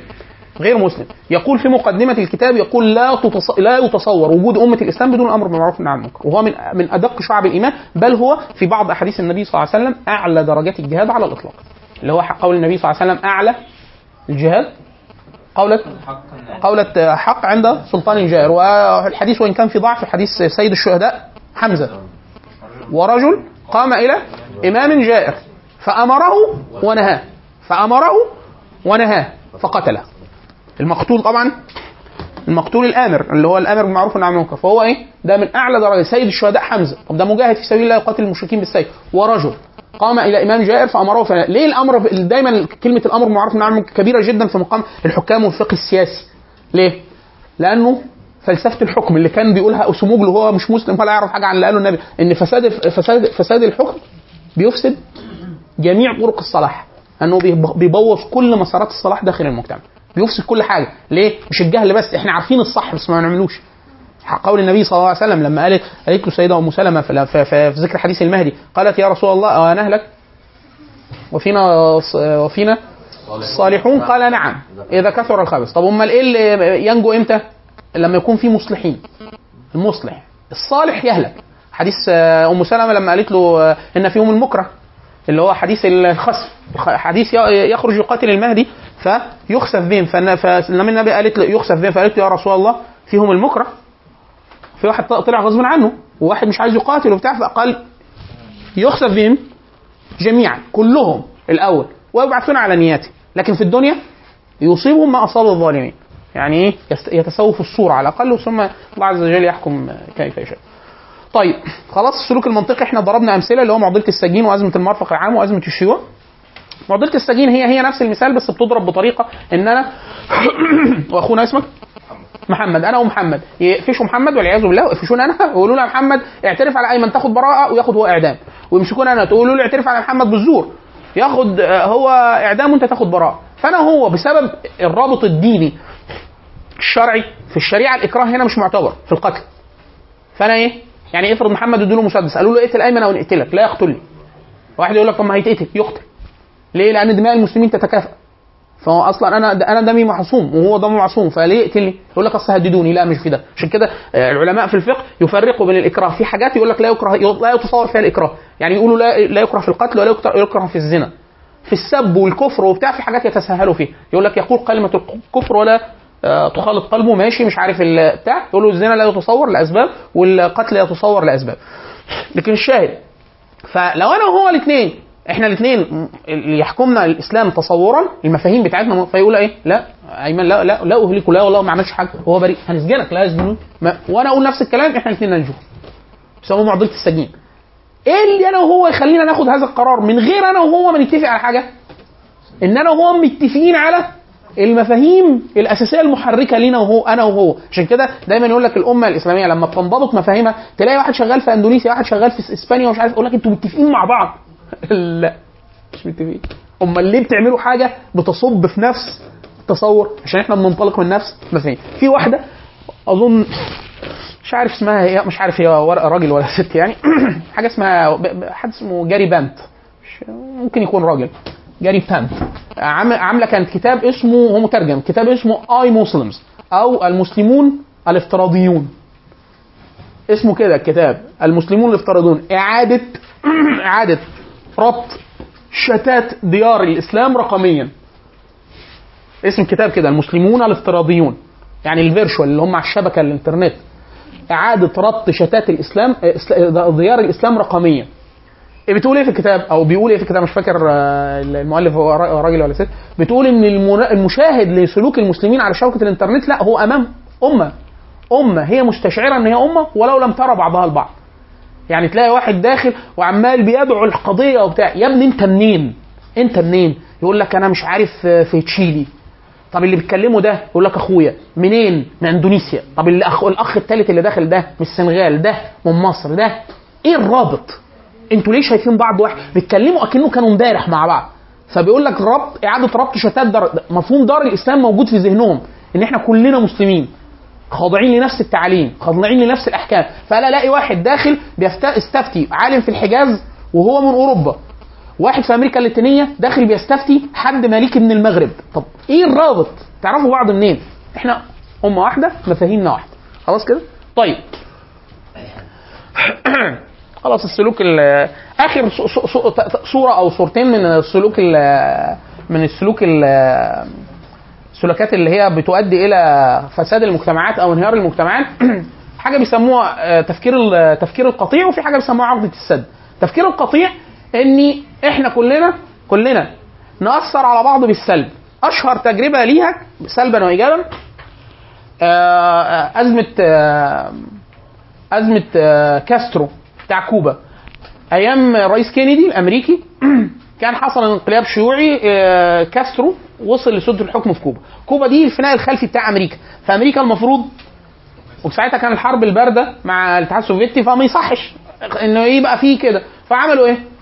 راح كينيدي اجتمع بالفريق الرئاسي وقال لهم إحنا طبعا لازم ما نسكتش. قالوا له طبعا مش هنسكت يا ريس. قالوا لهم وطبعا هننزل قوات خاصة في كوبا تقتل كاسترو. قالوا له طبعا هنعمل كده. أوه، خدوا القرار هم قاعدين. لا محدش قال القرار ده صح ولا غلط. ده هيفضحنا دبلوماسيا. طب لو فشلت الخطة طب مش عارف إيه. كله تأثر بتفكير القطيع وتصوره إن دي رغبة الرئيس ولا حد م- م- مش مفيش حد المفروض يعارضه. خدوا القرار أنزلت أمريكا قوات خاصة قوات اتنفخت كانت فضيحة بجلاجل لأمريكا ويعني سب في تاريخ السياسة الخارجية الأمريكية. هو هو نفس الطريق فريق الكان... الك- فريق كينيدي ده هم اتعلموا من أخطائهم جدا الأمريكان. قالوا إحنا مش ممكن ناخد أي قرار بالطريقة دي تاني. عشان يتحسبوا لفكرة القطيع قالوا إيه؟ قالوا إيه؟ قالوا لا يجتمع الفريق الرئاسي في اتخاذ أي قرارات مصيريه مرة واحدة بعد كده. الفريق يتقسم فريقين وما يحضرش الرئيس. ما يحضرش الرئيس معاهم. بحيث ما يأثرش. ما يبقاش عارفين الرئيس عايز إيه. هو بيقول ابحثوا لنا أحسن قرار للأمة الأمريكية في ده. الفريق إيه؟ ده يعمل ياخد قرار ويناقش كل الأفكار. يناقش كل الأفكار. يعني كل واحد يقول الفكرة محدش اللي هو بيسموها أحيانا عصف ذهني أنا أقول الفكرة محدش يعقب ولا يضحك ولا يقول الفكرة سخيفة ولا إيه الفكرة دي. أنا أقول اللي أنا عايزه. بحرية تامة. ويكتبوا ويشوفوهم يقسموهم أولويات وليه مبرراتها الفريق بي يعمل كده. يسكتوا؟ لا. فريق إيه يتقسم نصين إيه واحد اتنين بي واحد باتنين ويقلبوا. يجيبوا إيه واحد مع بي واحد بحيث دول ما يأثروش نفسهم على بعض. ويعيدوا نفس المناقشة وطرح الاختيارات. وبعد كده يجتمعوا باختيارات مكتوبة مبررة بمعايير للرئيس. والرئيس ياخد قراره بناء على ده. خلاص؟ طبعا حصل نفس الحكاية تاني مع إدارة كينيدي. بعد ما عملوا التكنيك ده في أزمة الصواريخ الكوبية الاتحاد السوفيتي عمل منصات صواريخ نووية في كوبا أمريكا. عالجت الموضوع دبلوماسيا ساعتها هددت إن هي تضرب كوبا نووي. أمريكا طبعا ليها سابقة ضربت اليابان. ف تم تفكيك المنصات وكانت ناجح آه، تجربة ناجحة جدا للسياسة الخارجية. هي هي فريق كينيدي اللي خد القرار الكارثي بتاع إيه؟ أزمة خليج الخنازير بيسموها. اللي هو إنزال القوات الخاصة بتاعت كاستور اللي فشلت وعملت إيه؟ أزمة كبيرة جدا. خلاص كده؟ آخر فكرة فكرة عقدة السد. إن أنت أحيانا لما تكون الشيء قريب جدا جدا منك والخطر محدق بيك أحيانا بتتعامى عشان تتعافى نفسيا. زي ليلة الامتحان لما تكون. آه، خلاص باقي لك كام ساعة على الامتحان وباقي لك ثلاث شباتر. آه أكيد الدكتور مش هيجيب من دول. أكيد. يعني ليه مين قال؟ أكيد. الاحتمال من ناحية الاحتمال الرياضي المحض ممكن يجيب. يقول لك إيه؟ لما هو ما قالش إن هي مهمة. أنت عايز تعمل إيه؟ عايز تتصالح نفسيا عشان تعرف تنام. بس خلصنا. خلاص؟ بيسموها عقدة السد ليه؟ أحيانا بيسألوا حد من ال. آه، إحنا دقايق ان شاء الله. خلاص. آه لا أنا أشرب وآكل وأي حاجة. أي حاجة عندي كتير. ينسون كركديه بتاع عصير لحمة يعني. آه، آه، آه، ازمه السد دي بيسألوا ناس ساكنة تحت السد. السد ده لو انهار هم ماتوا. خلاص يصحى يلاقي نفسه بيتحاسب. مش هيدرك إن هو مات يعني. هيموت على طول. يقولوا له السد ده ممكن ينهار؟ يقول لهم لا طبعا. يبص السد لا مستحيل ينهار. يعني الدكتور يجيب الشابتر ده في الامتحان يجيب الامتحان كله. في دكاترة بيعملوا كده. بيجيب الامتحان كله على سطرين في, في آخر ورقة آه، المقدمة حاجة سخافة. خلاص طبعا هو ده أصلا مش اختباريا غلط. ده في علم الاختبارات والمقاييس غلط. لازم يختبر اختبار ليه معايير. لكن الشاهد انه ده بيتعمل. أنت بعقده السد هي اللي خليك بتمنعك إن أنت تاخد إيه؟ حذرك من ده. لما بيسألوا في عقده السد دي ناس ساكنة قبل بعد السد ب 10 كيلو لو حصل انهيار هيتضرروا بس مش هيموتوا. يقول لهم السد ممكن يقع آه والله احتمال. طب لو حصل إيه؟ يقول لك لا إحنا عاملين مش عارف إيه وبتاع. وهكذا. خلاص؟ عشان كده يروى ان في النكسة في 67 حد من مستشارين عبد الناصر إحنا مصر طلبت رفع القوات الدولية بيننا وبين إسرائيل. وإحنا اللي إيه؟ إحنا قلنا هنحارب وهنعمل وبتاع مش عارف إيه. وقلنا القوات الدوليه قالوا يا أخوانا ده كده إعلان حرب وبتاع. قلنا المجتمع الدولي آه واشهدوا يا أخوانا على اللي هيحصل دلوقتي في الحاره وإحنا ومشينا القوات. فواحد من المستشارين من عبد الناصر بيقول له طب افرض يعني هاب إن إسرائيل بدأت الحرب. فعبد الناصر قال له إيه؟ ده تاريخيا مدون. قال له؟ يا راجل تفهم من بقك. إيه ده؟ لحظة. قول تاني. يعني هو إحنا بعد الحركة دي هو أنت؟ قال لا. يعني هو كان متصور مستحيل إن هم يحاربوا. إيه ده؟ دي عقدة السد ده ده ما فيش حد في العالم في العالم. إلا وعارف إن الحرب هتقع هتقع. مفيش حد. إلا ما مدرك تماما استعدادات إسرائيل والوضع الدولي واللي إحنا عملناه وكل حاجة إن إسرائيل هتحارب يعني هتحارب. وهتحارب دلوقتي مش بعد يومين ولا دلوقتي. لأسباب يطول شرحها. لكن الشاهد قال له يا راجل تفهم بقى ده أكبر أكبر قيادة عسكرية وسياسية. إحنا كنا ساعتها بنقود جيوش ثلاث دول سوريا والقياده العربية المشتركة وكنا على الأقل الأردن. خلاص وعندنا هناك قوات رصد ورصاد مطارات يعني إحنا كنا عاملين كل حاجة. فالشاهد إن هو إيه؟ اللي هو آه لا عقده السد ممكن تعمل كده. طيب. ماشي خلاص مش عايزين كده. طب اللي إحنا قلناه ده ده في نطاق أمم. طيب المجتمعات الصغيرة إحنا عندنا في مصطلحات في علم الاجتماع أحيانا يقول لك مجتمع كبير يعني إمبراطورية اتحاد آه، مجموعة دول دولة كبيرة. طيب لو شركة جمعية مؤسسة آه، تنظيم صغير أي حاجة معمولة لأي حاجة يعني إحنا عاملين جمعية ش...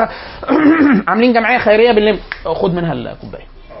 وفي آخر الدورة هتكسب معانا كوباية شاي هدية. مع إن إحنا هنتعبك معانا كده. أنت ماسكها غلط خالص؟ يعني ماشي. أنا بقول لك أنت ماسكها غلط. أنت كلية إيه؟ أما أنا قلت برضه.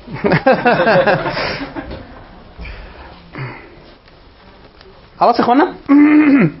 فالمفهوم شبه اللي إحنا قلناه بتاع انهيار الشركات انهيار الأمم والمجتمعات. آثار بعض الناس في الشركات. عندنا إحصاء بتقول إن 90% من الشركات الناشئة في أمريكا بتنهار في أول ثلاث سنين. في أمريكا. أمريكا. أمريكا يعني إدارة يعني موارد يعني مش عارف إيه وبتاع. أمريكان أدائهم في الإدارة بشع يعني يعني ممتاز يعني. 90% من المؤسسات أو من 70 ل 90 بدقة يعني. من 70 ل 90% من المؤسسات في أمريكا الناشئة بتنهار في أول ثلاث سنين. فقال لك لا لحظة. هو إحنا ده نقص موارد؟ لا. طب إحنا مش جايبين أحسن ناس؟ آه. في شركات يا إخوانا كانت ملء السمع والبصر واتباعت. نوكيا. نوكيا.